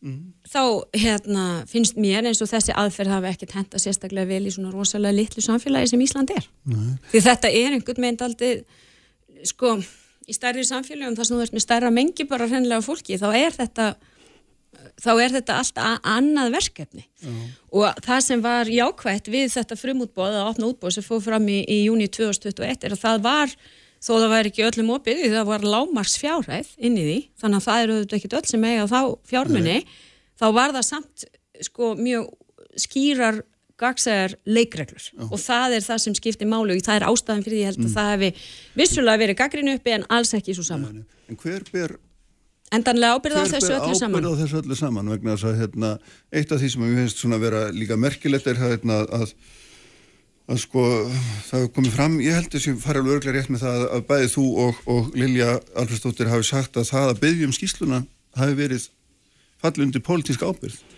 Og, og nú er ég að velta að höra mér hérna hvernig skilgrunum við pólitíska ábyrð Já, til dæmis, í þessu máli að því að eh, reglurnar eða regluleysið á, er það þá bara á hérna, ábyrð bankasýslunar sem við bara lokum og sendum heim. Eða, ég meina, þú veist, Já, já, ég menna þetta er ábyrgð á annað. Og þess vegna segi ég, sko þess vegna er þetta ekki alveg svartvitt mál. Og þess vegna er það þannig að, þú veist, við nálgast þetta örgulega öll með okkar fyrirfram skoðun. En það sem ég segi þessi lögjöf hún, kalla, veist, hún þarnast endur skoðuna við. Það hefði kannski mátt líka fyrir fyrr. Það má alveg kalla það ábyrð Já. en sko ég segi það er ekkert sem við höfum gert annað en að reyna að leitast við að það ríki eins mikið gagsæðum þessa framkvæmt þó að það sé í raun og veru eftir á, eftir að henni lokið. Það er það sem ríkistjóðin hefur verið að gera allan tíman er það að axla pólitíska ábyrg í algjörlega hluta? Það er enginn sem vill einhvern meginn sópa þess undir stól. Það hefði verið, ég meina bákasíslan, ég ætla bara að rifja það upp hún Já. lagðist eindrið í gegn því að byrta þennan kaupundalista ég held að það hefði nú þótt og það er fagstofnunin sem leggur áhersla á það. Já. og það var auðvitað fannst mér það, það snerti mig gríðarlega illa þegar þessi ráðgjöf kemur Já. það fannst mér einhvern meginn bera vott um að hér væri í þessu ferðlega öllu djúft skilningsleysi á því hvað það þýðir að selja ríkiseg en uh, og hver ber ábyrð á því? Já. Já, það er auðvitað hérna þar sem kannski allir nálgast það út frá sínu en þetta er svo stofnun sem sko á að vera mjög sjálfstæð í Já. sínum störfum og á að fara með þetta hlutverk Já, já. og við erum auðvitað með stofnanir í er- ríkiskerfinu sem eiga að vera gríðarlega sjálfstæðar og við sem erum er, er, er, myndum við þá segja um þess að sölu og hún er að hluta til velhefnuð og hluta til illahefnuð og þetta mallar svona bara einhverstur á það er enginn tekur ábyrði eins og bara sendum við fórstur og bankasýslunum heim. Ég meina það er. Er það ekki? Já, sko nú vil ég bara minna það að stjórnskipunur ætlisnend að því ég er nú svolítið formalisti Já, hún já. á náttúrulega eftir að fara við málið. Og, og þú segir enginn mun skipt um skoðun og allt það. Ég er að spá því, finnst þér ólíklegt? Þetta ekki hvort mér finnst það ólíklegt en ég hef samt trú Já. á þessu ferli sem við hefum sett í lög. Ég vil líka minna á að Sælabankin á eftir að skila sinni já. og ég held í svona málum það er alltaf að gera krafum að maður hérna, úrskurði æskilegt, finnst mér. En finnst þér hérna, þessi krafa um rannsóknar nefnda vegum þingsin sem hefði einhvern veginn svona hvað viðtakara valdsvið heldur en ríkisendur skoðan því ríkisendur skoðan hún er bara svo svo langt. Vill, ekki fara inn í lagaþrættu til dæmis og, og, og, og þó að það sé nú þannig að stjórnarnarstaðan til þessi lesa úr skýslunni að, að lög hafi verið brotin, það sé það líki hlutarins eðli eftir mann les skýsluna meðan að aðri segja að það sé bara ekkert verið að fjalla um það Já, ég veit nú bara í skýslun og það er ekki verið að benda á lögbrót þar sko ja, það, er reyndar, það, er óljóst í, nei, það er augljóst í formálunum en það er, það er Já, sko, það sem segir í raun og vera að sko, reglu lagana sem einhverju leiti matskendar sko. og Já, það já. er auðvitað mjög oft tilfellið í þeirri löggjöf sem við setjum og þessu matskendar reglur þannig að hérna, og til dæmis kemur þá að þessum markmiðum lagana um hagkvæmni, gagsæi Mm. og einmitt eh, hérna önnur þau markmið sem voru sett fram og var óljóst hvernig vóa móti hvert öðru, hvert öðru. Þegar tilbúið eignan hlut líka fyrir skal bankasýsla ríkisins nú er í vittnabari lögin, skila ráþæra raukstuttum að þeim, ráþæra tekur ákvörunum hvort tilbúið skuli samþýtt eða þeim hafnað Mhm. og þetta tólka sumir þannig að ráþæran þurfi að fara við hvert og eitt tilbúið og segja já eða nei Já, ég get, eða hvort hann og ráþæran segir sjálfur nei, það er bara nóg fyrir mig að samþykja það er náttúrulega láta svo tólkun ef ráð þeirra ætlar að fara að velja kaupendur með þessum hætti út frá hennu almenna sjónamiðum að pólitíkinni er ekki þannig að að bara, þannig að bara verðið er nóg að þínum að um, sko, bankasýslan kemur með hugmyndu verðið og já, hann veit ekki á hvaða þau eiga að hafa þessa faglegu yfirsýn í raun og veru yfir eigandahópin en nú er ljóst að sko að það var umfram eftirspurn Já. á miklu hærra verði heldur en að við seldum á eða selt var á Já, það er náttúrulega eitt af því sem er gerða aðtöðsandi Já, í skýslinni. já. Það er frágangurinn á tilbúrsbókinni Já, já. og hversu mikil umfram eftirspunnin var. Já.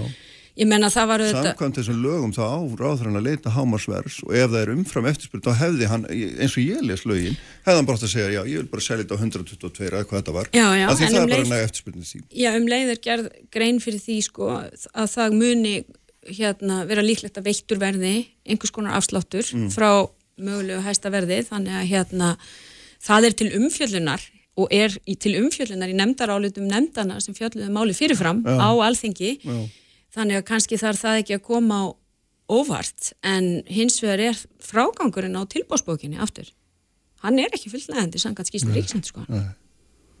Það er hérna mikið umhersunar efni þannig að ég tel nú bara hreinlega að það séu töl, tölvöld mörg framkvæmda atriði þarna sem hafi ekki verið eins og best verið á kosi. Nei, einmitt. Við skulum hérna, að því mér langar að tala um annað við, við getum þetta haldið áfram með þetta, Í- er sko hérna eitt af þessum rísastóru málum í samtímanum og ég er búin að ræða hérna náttúrulega nokkra vikur eru þessi innflytendamál Já, og ég veit bara að þetta er þínum flokki, þetta er í, í þínum flokki bara mjög erfitt mál. Já. Ég þekki nóg margt fólk úr þínum flokki til þess að vita að þetta er bara, þetta er bara feikilega erfitt. Það er mjög erfitt fyrir hérna vinstri græna að horfa upp á falla fólk flutt að nætur feli og skipa upp í flugvél og, og hendur úr landinu. ég held að það sé ekkert bara erfitt fyrir mitt fólk. Nei, en það er ég en, held- nei, nú er ég bara að tala við þig Já, sem já, já, já, já, já, En já. það er mjög erfitt fyrir Já, ykkur. já, já, bara það er þannig. Já, Sko, erfitt fyrir alla, gerir ég ráð fyrir mér já. langar svolítið að Já. segja um þessi mál að því þau hafa nú reglulega komið hér upp og ég hef rætt þau oft við þið áður. Já, já, Við samþýttum hér lögjöf 2016 í góðri samstöðu um útlendingamálin. Þar var raunar ekki tekið á því sem hefur verið svona reglulega til umræðu síðan sem varðar möguleika fólks utan ES svaðisist til að koma hinga og sækja um atvinnu. Um, þannig að það er eitt af því sem ég tel að hafi dreigist allt of lengi að taka á og ég hef núna sjálf uh, settast að vinnu við það vegna að þetta er mál sem var á mörgur ræðunetti hefur reynst okkur erfitt að fá einhvern botni og við verðum hreinlega að fá einhvern botni í það hvernig við getum greitt fyrir fólki sem mögulega á ekki rétt á vend samkvæmt þessum aðilum, fælu aðilum en getur þá komið hingað unnið eins og við erum búin að fá svo skýrt áköllum sko í mörg ár. Það þarf að taka á þessu og ég vonast þess að við getum fengið tilhör um þetta síðar í vetur. Síðan er það staðrind að við erum með kerfi sem á að sinna þessari móttöku og það kerfi er byggt upp til að taka móti kannski nokkrum hundruðum núna erum við með nokkur þúsund. Kerfið hefur ekki fyllt fjölkuninni við erum auðvitað búin að vera á fullu undanfatna mánuði, meðal annars og vettfangir á þeirra nefndar um flotta fólk og einflytjendur að reyna að koma þessum málum í lag. Og það er svo ótrúlega margt sem þarf að laga þessum málum. Bara að meiri segja gögnin og upplýsingarnar er ekki sambærileg millir landa. Þannig að þegar ég er að reyna að ráði í það til dæmis hversu mörgum eru við að taka á móti með við aðra þá er ég sko sjálf að byggja á tölum frá Eurostat en veit það hins vegar að svo telli ekkit öll löndin eins, nákvæmlega umsóknir veitingu vendar og annað slíkt sem er stór mál, þannig að það sem við þurfum að gera er að fara í miklu betri gagnasöfnun. Við þurfum að bæta kerfið okkar, það er byggt upp á tímabundnu sanningum, milli ofinbæra stofnana, að því að þetta hefur raun og verið alltaf verið hugsað sem einhvers konar bráða viðbræð, en við erum bara komin á þann stað að við getum reikna með að þetta verði ástandið Já. á komandi árum. Við þurfum að, ég menna það var frábært skrefstíð í gær í með samningi við Reykjavíkuborg um móttöku flótta fólks gríðarlega mikið vægt skref því sveitafélun eru svo miklu leiki laðlar til að þetta geti gengið vel. Við þurfum að fara í miklu öfluri vinnu hvað var þar íslenskuskjænslu fyrir þennan hóp því við viljum ekki sko við viljum að hér sé bara eitt samfélag og að fólk geti tekið virkan þátt í samfélaginu. Og tungumálið er algjör líkill í því. Og það er meðal annars ástæðan fyrir líka við erum búin að setja íslensku málin í sérstakann farveg á, á vettvangir á þeirra nefndar þannig að það er óbáslega margt að gerast en það breytir því ekki að það eru kannski einstaklingsmálin eðlilega sem fá alltaf mest aðtegli en fyrir mér mín sín er svo við verðum að byggja þetta upp kerfi sem stendur undir því sko, þeirri stöðu sem við vitum bara verður í heiminum á næstu árum stefnumótun til lengri tíma hún er vissulega hafinn á vettvangi félagsmálar á þeirra en núna þurfum við bara Mhm. plan til þryggjára hvernig ætlum við að gera þetta? Nákvæmlega. Af því þetta er ekki að fara neitt. Nei, það svo Stríðið heldur áfram. Já, já. Við, þú varst að tala um lofslagsmálinn hérna aðan. Já. Við hefum eftir að sjá flóta fólk af völdum lofslagsvar og ég held sko þó að íslenskur almenningur, mér finnst hann mjög opinn, en ég held líka að fólk vill fá, hafa kerfi. Það er svona skilabóðin sem ég fæ frá mjög mörgu fólki í ólíkum flokkum. Það segir auðvitað verðum að hafa eitthvað skona kerfi. Það er ekki endilega að mæla með því að hér sé í raun og veru bara algjörlega opið. En við viljum að kerfi sér sangjant. Kanski er það hérna hugtæki sem við hefum að hafa leiðaljósi í þessari vinnu. Hvernig getum við tryggt þetta sangjantna kerfi? Eitt af því sem hefur farið fyrir brjóstið á mér og ég hef nú einmitt rætt við það áður það er það síðan þegar af einhverjum ástæðum mált hefjast mögulega þó þeim sé loki hér heima þá er ekki gefin út ferðarskilriki eða eitthvað slíkt. Og við erum að sjá börn sem hafa verið hér lengi. Og þau eru sendt úr landi jafnvel eftir átján mánuði eða eitthvað slíkt hér á Íslandi. Og það er eitthvað sem við verðum hreinlega að finna leiðir til að taka stáði því það er En það er svo magnað og þetta erum við búin að mynda nefnir að við erum búin að ræða og ég er alltaf rætt af margsins við marga aðra og allir eru sömu skoðunar um allir þetta. sömu skoðunar og við erum búin að gera gerist. jú, jú, jú, það sem hefur gerst er að það hefur verið stittur málsmeðferða tímin Já. en svo geta aðri þetta komið inn sem hreinlega verða til þess að tefja mál og þá bara verðum einhvern veginn að takast á við það og ég segi þarna við að reyna að stíga skref og þa það er bara staðrind hins vegar að vegna þess að kerfið okkar er einhvern veginn ekki byggt upp í kringum þessar þúsundir Mm. Þá eru deilur um framkvæmdina aftur á þessum lögum sem var svona mikil samstæðum og sömuleiðis þá var því aldrei lókið einhvern veginn að svara þessari spurningum atvinnuleifi utan EES-svæðisins. Ég held satt að segja fyrst við svara hann í vetur heldur? Er- Ég held satt það að segja? Já, ég er já. náttúrulega alltaf einhvern veginn bara, við hljótum bara að geta að svara þessu, við hljótum bara að geta að laga þetta. Auðvitað er það kannski ekki alveg eins einfalt og ég held, að því við erum skuldbundin af einhverjum EES skuldbundingum um forgang í vinnu, en það eru leiðir til að gera þetta með greiðari hætti. Og þegar við erum búin að fá fólk hinga sem uh, er jafnvel búin að dvelja hér lengi, fullfært um að vinna og það vantar fólk í vinnu, þá er þetta bara að skilja það mjög vel. Og ég ætla bara að vera sammála þeim sem segja, akkur má þetta fólk ekki bara vera hérna að vinna. Já, það má bara vera hérna fram. Ég skilur það er það sem ég er að segja þegar Já. fólk er kannski búið að vera jafnvel í eitt og halvt, tvö ár Já, já, með börn já, já, sem oft er. sem oft er Já, og er reyðubúið Mhm. til þess að leggja sitt að mörgum til samfélagsins þá hljótu við að geta fundið leið til að láta það ganga mhm. en uh, hérna, ég veit að þetta er uh, svona, kannski nöðuleg framsetning, en þú er líka fórsettisráður í landi sem að sendur fólk að nætur þeli til Greiklands, þangað til að þangað sem að allar virtustu alþjóðstofnarinn í þessum flottamálumálum segja að sé ekki mannsæmandi, hugsanlega maður nú kannski rökriða hvort það er vannvirðandi eða svo maður nota eitthvað svona hugtökum þetta, en það er augljóst að þetta er engar kjöraðstæður fyrir fólk, engar kjöraðstæður, það er alveg ljóst. nei, nei, og nú Og- erum við og að fara að rýna þennan dóm sem, eða erum að því, Já. sem fjall í Þýskalandi í einu fylki Þýskalands og sko það sem skortir líka á er einmitt þetta samtal innan Evrópu, það sem við auðvitað erum í samstarfi, Mm. hvernig erum við að tólka hérna reglunar og lögin það finnst mér líka vera það finnst mér líka vera gríðalegu misbrestur á, því eins og ég segi hér, hérna, tólkar hver hérna, hefði euróska regluverk með sínum hætti er svo hlýtur þá ekki vera eðlilegt að við látum bara þá sem að eru Og ég ætla bara að viðkvæmri segja stöðu það. njóta þess vafa að við býðum með, með hérna Ég ætla bara að segja það með þennan brottflutning á sem fallaða manni. já, já. Sko, þetta er einstakt mál að því er mér sagt. Mér er sagt að þetta sé bara algjörlega einstakt mál, eina mál sinna tegundar. Það var von á domi og eðlilega fólk spurt, akkur var ekki beðið eftir því? Jú, þá er sagt, jú, úrskurður kæru nefndar þann, sko, þó að fólk leiti til domstóla það frestar ekki réttar á nei. Og ég skil það, við getum ekki haft öll mál opinn bara út í eitt. Nei, nei. En ef um er að ræða slík fordæmi skefandi mál, hefði þá ekki verið eðlilegt að taka tillit til þessa einhverju leiti ef við erum að segja að kerfið miðist við aðstæður hvers og eins. ég með bara að spurja þig að því Já það, er, já, það er spurningi sem ég er núna búin að leggja fram við dósmálaráðanetti. Af hverju er það ekki hort til þess? Ég menna, Mm. það er í raun og veru stóra spurningin því ég skil algjörlega það að þetta frest ekki alltaf réttar áhrifum Mm. þegar um er að ræða einstætt mál.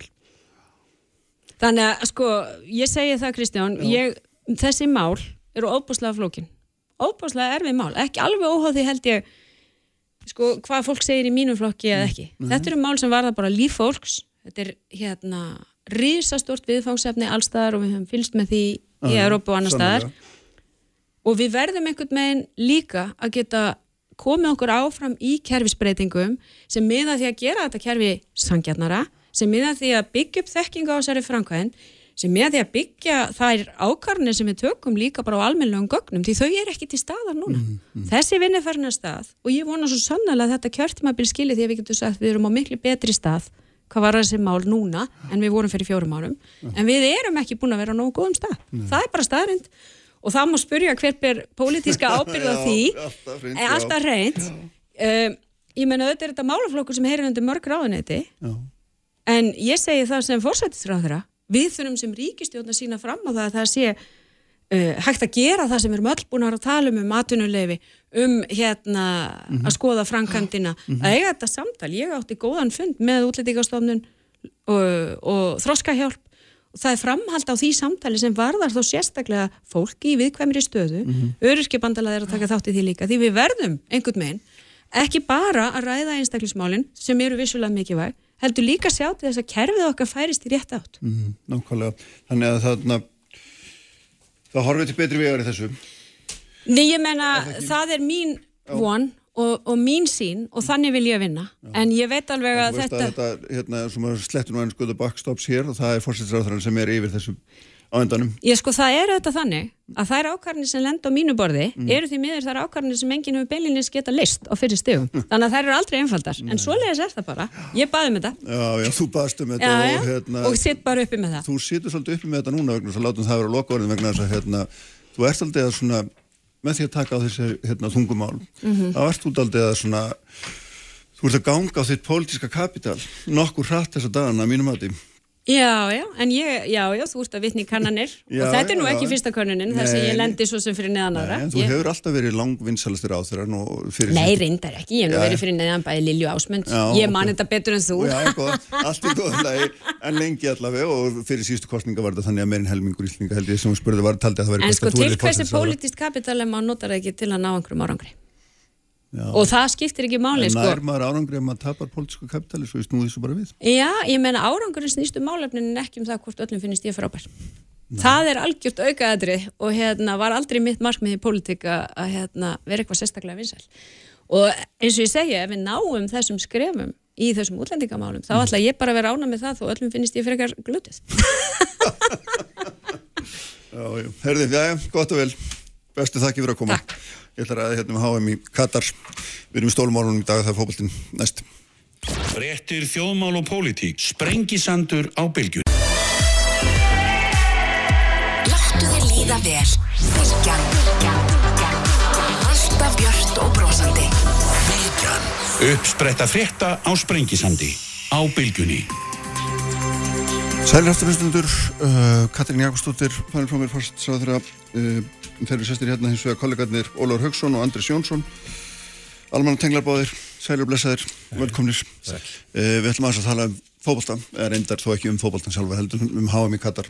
Og hérna, sko, byrja hjá þeirra eins og lögum að þú skrifa aðeins snarpa grein á vísu um það að þér finnst að Ríksútarpið ætti ekki að sína frá þessari keppni. Og nú er þetta 12 ár síðan að ákvörðum var tekið um að halda hann þarna og það hefur svona kannski ekkert farið ofbáslega mikið fyrir einhverju andstöðum þá alltaf eitthvað margra ára gamla fréttir af, af hlutskipti farandverkamann og svo framvegis. En núna er þetta auðvitað aðeins að magnast þegar þetta er í raunverulega að byrja og svona þetta er orðið að veruleika. Og, og hérna farið aðeins með mér yfir það hvað, hvað, er, hvað finnst þér að Ríkisútturpið hefði bara átt að hafna og við eigum ekki að sína frá keppninni? Á hvaða fórsöndum þá?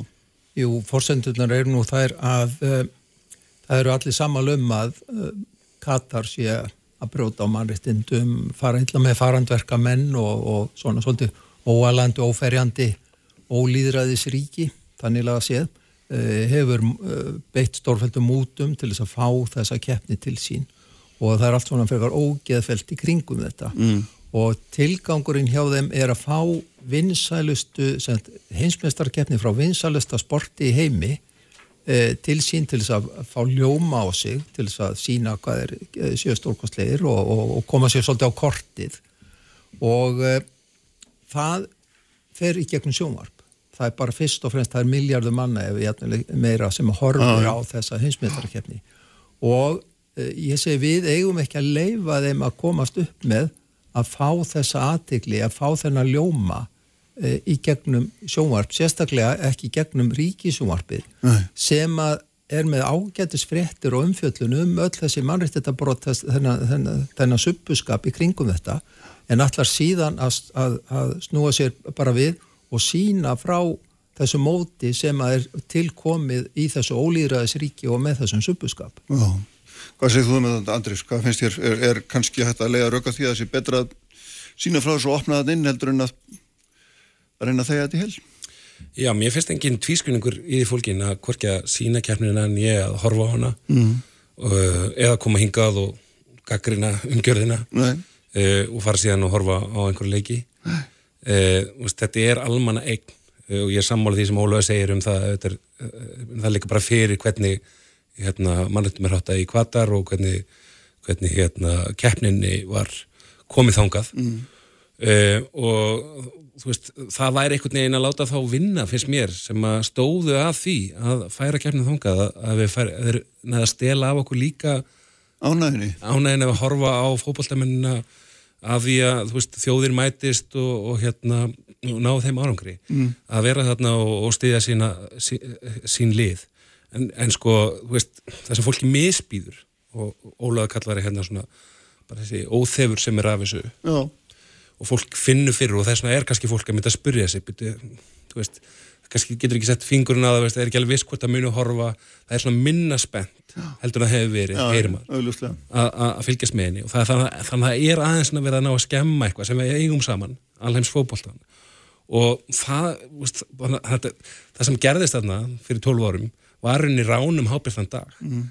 það, það er það sem hann er misbýður að, að háum í varunni stólið, ekki í sigrunum að háum heldur andanum og sögu háum var mm. stólið og bara til þess að í rauninni eh, geta að Katar og þessir hérna, einræðis eh, stjórnvöld þar geti hjúpa sig einhvers konar lögmættis slikju þannig að ég finnst bara, þú veist hvort sem það eru fyrirtækið að gaggrina eða auðlisendur eh, að draða tilbaka auðlisengar, þú veist, það er ekki tvískinungur mm. Brúdog sem fór nú sérstakka hérna, hérna bruggframleðandin og bar rekstraræðilinn uh, fór sérstaklega herrferð í rauninni gegn háum í kvatar ætla samt að sína uh, frá keppninni á börunum sínum. Já, tvískjörungur Ég, Mér finnst það. Nei, ég fór yfir þetta.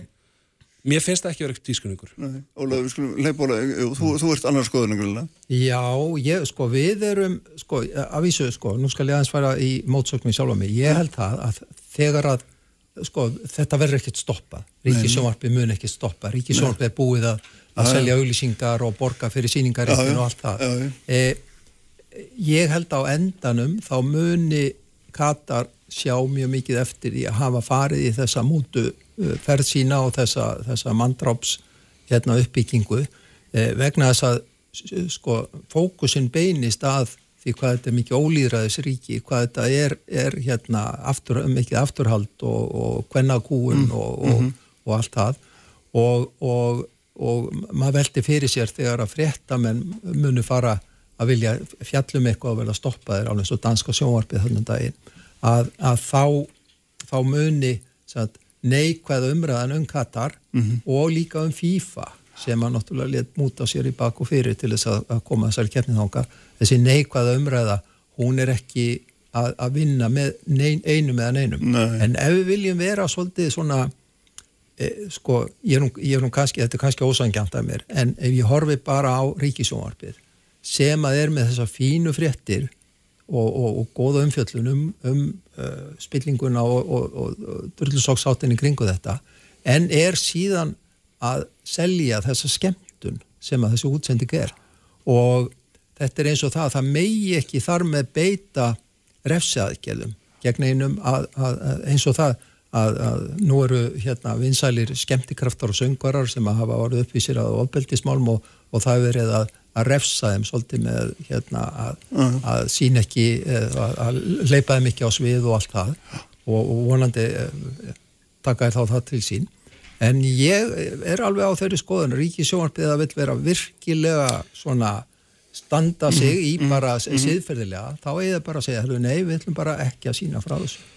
Ég verð að segja, ég er algjörlega ósámálega og mér finnst bara, eh, hérna, svolítið eh, langt gengi, eh, bara, mér finnst bara ránt í rauninni, Ólafur, að beina gaggrinni að veist, hérna, hérna, stofnun í, í hérna, einu frálsasta líðræðsreiki heims, eh, að, að gaggrinni að beinast að því, fyrir því hvað það gerir.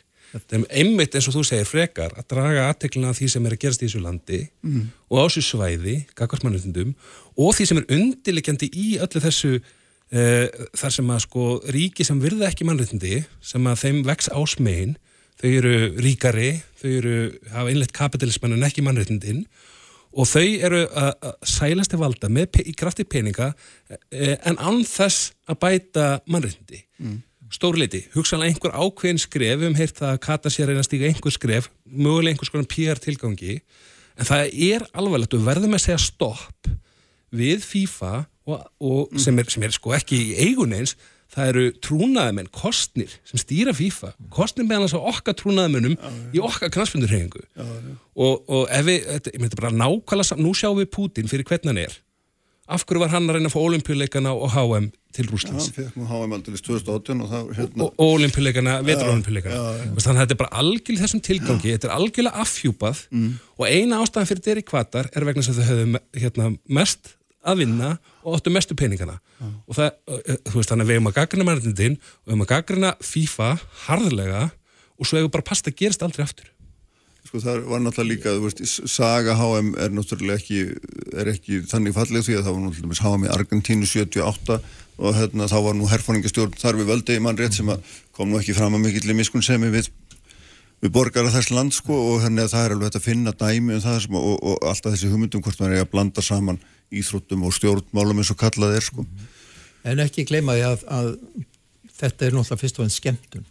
mm, Að horfa á fótbolta er skemmtun og, og e, þannig að það er verið að sína þarna, það, þannig að það er verið að gera, það er verið að gera þessum mönnum sem að nota þessa peninga til að kaupa sér þessa skemmti, þessa skemmti útsendingu og við ætlum bara að, að sína hana. Við ætlum bara að láta svolítið svona eins og þetta sé uh, óskilt, óskilt mál. Já. Þetta er ekkit óskilt mál og, og auðvitað er er sárt að taka skemmtunna frá þeim sem eru búin að lakka til í, í þess vegna fjögur ár og, og allt það. svona, eigum við ekki að taka hana en við eigum að hindra þessi að skemma hana svona. -hmm. og ég held að ef við myndum öll boykott að horfa fótboltan, þá erum við að skemma það sem við eigum sem að þeir stálu og þess vegna En eigum við að finnst horfa ykkur, finnst þér til dæmis að, hérna, finnst þér þá að vegna þess að þetta er á þessum stað og vegna þess að þetta hefur þennan bakgrunn þar sem þessi uppbygging hefur farið fram með þessum hætti að hérna, fólk hefur látið lífið og við uppbyggingu á þessum mannverkjum og augljóslega er hérna, þeim sem að sjáum það alveg skýtsama, það, það liggur alveg fyrir. Og, og hérna, og svo eru samt sem áður sko fyrirtæki að sleikja sér við þetta, nota þetta í markastilgangi og svo framvegis. Já, já, og það- Menna, er, er það ekki hérna það er orðið erfiðara og tvípendara og, og við sjáum að stóra alþjóðlega fyrirtæki og verumerki þau eru mjög, orðin mjög viðkamari fyrir því að fá, vera smánuð fyrir, fyrir Já. svona. Já, þannig að það verður spennandi að sjá í raunni hvernig það þróast aðeins yfir keppnina. Já, og ég held að hann bara haldi þessari umræðu áfram og þú veist að þetta er og segi, þetta er alvarlegt, þetta er eitthvað svona sem að e, hérna e, veist, þetta skiptir máli að þetta færa allan heiminn saman. Já. Og að, einhver geti tekið það og keift það. En er þetta ekki Og hagnýtt sér það? Já, en er þetta ekki svolítið bara eins og hérna, uh, sko, hvað er þetta að kalla sportswashing þegar menn til dæmis eru kaupa sér félagslið í Englandi og við hafa komin öllur átt, öllum áttum í því, keift þetta fyrir hérna illa fengi fjö hérðan og þaðan.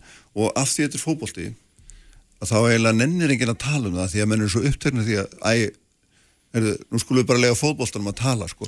við, skulum, við bara hérna, látum bakgrunnin eiga sig. En ég heldur sem farin að sjá fyrir gjólaður, ég heldur sem farin að sjá sko alvarleikan eh, í því bara hverjir það eru, við sjáum Kína hvað þau eru að gera í mannreitndum og við sjáum hvað Rúsland er að gera og mörgunur ríki, þannig að við erum farin að átt okkur á því þetta er ekki léttvægt.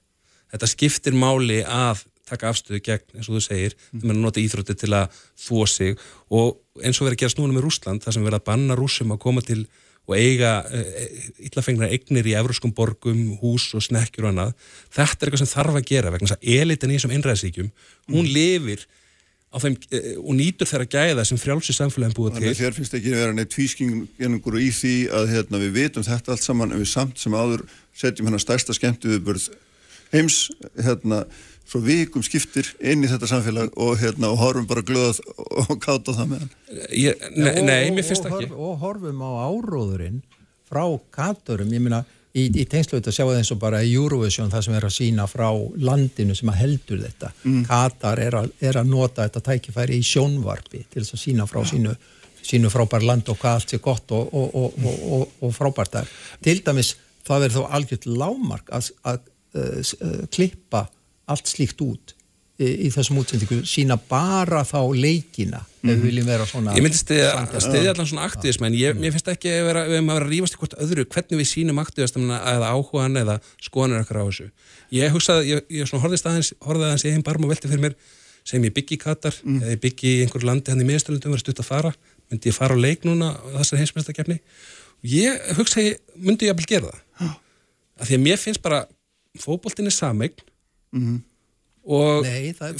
er sameign og það er fótboltin er er búið að er er reyndar sjálfur á hann Já, já, og, og við þurfum að endurheimta hann. Við vitum hvað hann er. Og við ætlum, að- við ætlum að endurheimta hann úr klóm fórustu Klóm FIFA. Úr klóm ræningja, það er bara mín en, næsta en, en, en ef við, ef, gerum við það með því að láta þetta bara eins og, eins, og- eins og ekkert hafi skorist og, og, við getum notið fótboltans en, en, en uh, við hefum ekki að hérna, viðkenna það hvernig þetta fór fram eða hverju stóð að því. Nei, nei, nei, og, Og- og, og- og það er mjög jákað og, og góð umræð um það í gegn tíðina. Og- en svo, En svo er ekki annað svolítið sem- eins og nefndir á hann að þetta, þeir myndi ekki, engin myndi hætta við þetta, menn þetta er náttúrulega búið að vera vitað í 12 ár. Já, og já. það hefur kannski svona, þessi bylgja hefði þurft að spretta upp miklu fyrir það er í Þýskalandi núna er eitthvað boykott. Bylgja sem er talin verða mjög stóra samfélagsmiðlum en hún breytir einhver hérna en, en, af, ég veit það ekki. en af hverju breyttu hann einhverju? Veist, meina, það var komið upp um spillingun innan FIFA Já, og rétt. Júfa. En, en breyttist FIFA og Júfa? Nei, þeir settu eitthvað sem var frangandastjóri meðan að allt þetta stóð yfir sem for, for, forsetta FIFA. Þannig að fótboltinn þeir kallmenn sem að spiltu kallmenn sem það ráða för, för þeir breyttu yngu Nei, nei. og þess vegna breyttist ekkert með Katar. Já, og nú er sko fósetti FIFA fluttu til Katar með sér Hann það er- svo til að vera svolítið, ná, svolítið nálægt hérna á kjötkollunum og alveg absúrt blaf mann fundur þegar hann opnaði keppnina og talaði einn og halvan tíma og talaði um það að því að hann hefði verið með freknur sem hvítur maður í Sviss Já, já. og þá þekkti hann hvernig faranduverkum hann hefði það í Katar þetta er En bara leikurs fáralengas Já, en svo er annað sem, að- Já. sem að náttúrulega þessi Arabalöndi að Katar og, og, og, og rúsneskir ólíkarkar Mm. eru mjög mikið að eidilegja knaspinnuna með því að kaupa lið og þegar maður, þegar maður sér sko það að, að, að hérna Barcelona, þetta stóra og, og flott og ríka lið, sko, hafi ekki efni á að halda, er ekki Messi, já Messi af, af því að, að því að hann var bara yfirbóðinn, sko, mm. hafi ekki efni á að, borgunum laun. Og, og svo kefti Katar þarna Paris Saint-Germain. Og, og, og þeir dæla peningum í þetta til þess að fá þennan ljóma á sig til þess að vera, þeir, þeir sjá þetta er vinsælt, þetta er ofbóðslega vinsæl íþrótt. Og þá stökka þeir inn og segja nú ætlum við að ræna þessu og eiga þetta. Og, og við verðum að refsa þeim. Við, við getum ekki látið þetta. Og það er ekki nóg að mínum að þetta að tala bara um mannréttindabrotin og alla farandverkamennina sem er að vinna þetta fyrir 50.000 krónur á mánuði og, og deyja úr, úr hérna, hjartaðslægi út af hvað er heitt í þessum löndum. Það, það á að ganga lengra og aðal ástæðan fyrir því að þeir vilja taka þátt í þessu eru sjónsútsendingarnar og ég segi bara stoppa þær, hætta við þær. Það er hægt að gera, það þarf ekki að byrja þær. Það, er, það má gera það núna. Mér finnst það á lönghefð í því að sína fótboltan og, og, hérna, og fólk út um allan heim að, að fylgjast með þessari keppni en veist, þetta er bara ákveð prinsip sem að er ekki verið að virða þarna. Og þú veist, það eru, þegar þú ert fyrirtæki eða, eða land eða stopnum eins og þetta, þú þarft að virða það þegar það er eitthvað svona eitthvað sem að, eh, veist, skiptir almenning máli. Og veist, við þurfum ekki að fara lengra heldur en bara þetta fyrirtæki sem við erum að tala, í- tala í mikrofóna hér núna. Að það er nokkur ár síðan að sko það vildi hérna fá engarétt á millumerkinu 12 stig á Twitter. Til þess að geta að því að, að, því að voru svona facilitar að sína tíst á skjánum í tengslu við síninguna á, á Evrósson söngahjörni og það, því var mótmælt og horfið frá því. Þú veist, það, það er alls konar svona, ég man eftir fyrirtæki sem var líka stopnað hérna þessu fyrirtæki sem hétt Mamma og var svona að setja upp afröglar heima fólki. Og mörgum mis, misleika það bara byrju, við hefum allir mömmu, okkur, á einhver allt í mömmu? Mhm. og einhver þetta því nafni þannig að það er svona, þú veist, þessi svona að reyna að seilast í eitthvað sem er heilagt þú veist, það, það, það, það á að springja andlita fólki á og, og, Og vonandi þú ekki ert greinlega þeirra skoðan að það myndi gerast núna Já. eða hvað? ég vonaði að það myndi gerast þegar þetta komst upp um alltaf þessa spillingu Já, í kennslukeppni, já, hún var staðfest já, já. En, en stundum tekur lengri tíma fyrir bylgin að rísa, það er alveg rétt og ég vona sér í svona og þetta, þessu var útluta svo sem eins og þú segir Andrist fyrir 12 árum og, og þá erum við búin að konni ákveðna skuldbindingar að, að, Já, já, að, og allt þetta og ventarlega ekki hægt að bakka út úr því. En strax þá var náttúrulega alveg ljóst að, að uh, Katar var óhæft gat nú til dæmis bara ekki haldið þetta sumri til og, Já, já. og þurfti fór í 30.000 miljardar uppbyggingu. Pínlítið land, þetta er eiginlega allir vellirnir 6 af 8 held ég einni borg, þú veist, þetta er ekki knaspunni hefðinu mjög ungarna Já. Veist, þetta er, mér finnst þetta ekki sambald til það þó að þetta hafi verið haldið í Argentínu eða Mexiko eða eitthvað. Herðum, við verðum að hérna láta þessu lokið en við skulum reyna að halda umræðin áfram og sjá hvernig þessu vindur öllu fram. En hérna sprengisandinu verðum við að láta lokið í dag. Ég verði að við Haldursson stýrið útsending og allt efnir á vísi.is og bilgjam.is og í bilgju appinu og svo hvar veitna það sem þið finnið hlaðvarp. Svo erum við með ykkur aftur hér eftir viku. Verið sæl. Utanhús klæðning, struktúr, hambúrgarabóla Tómasar,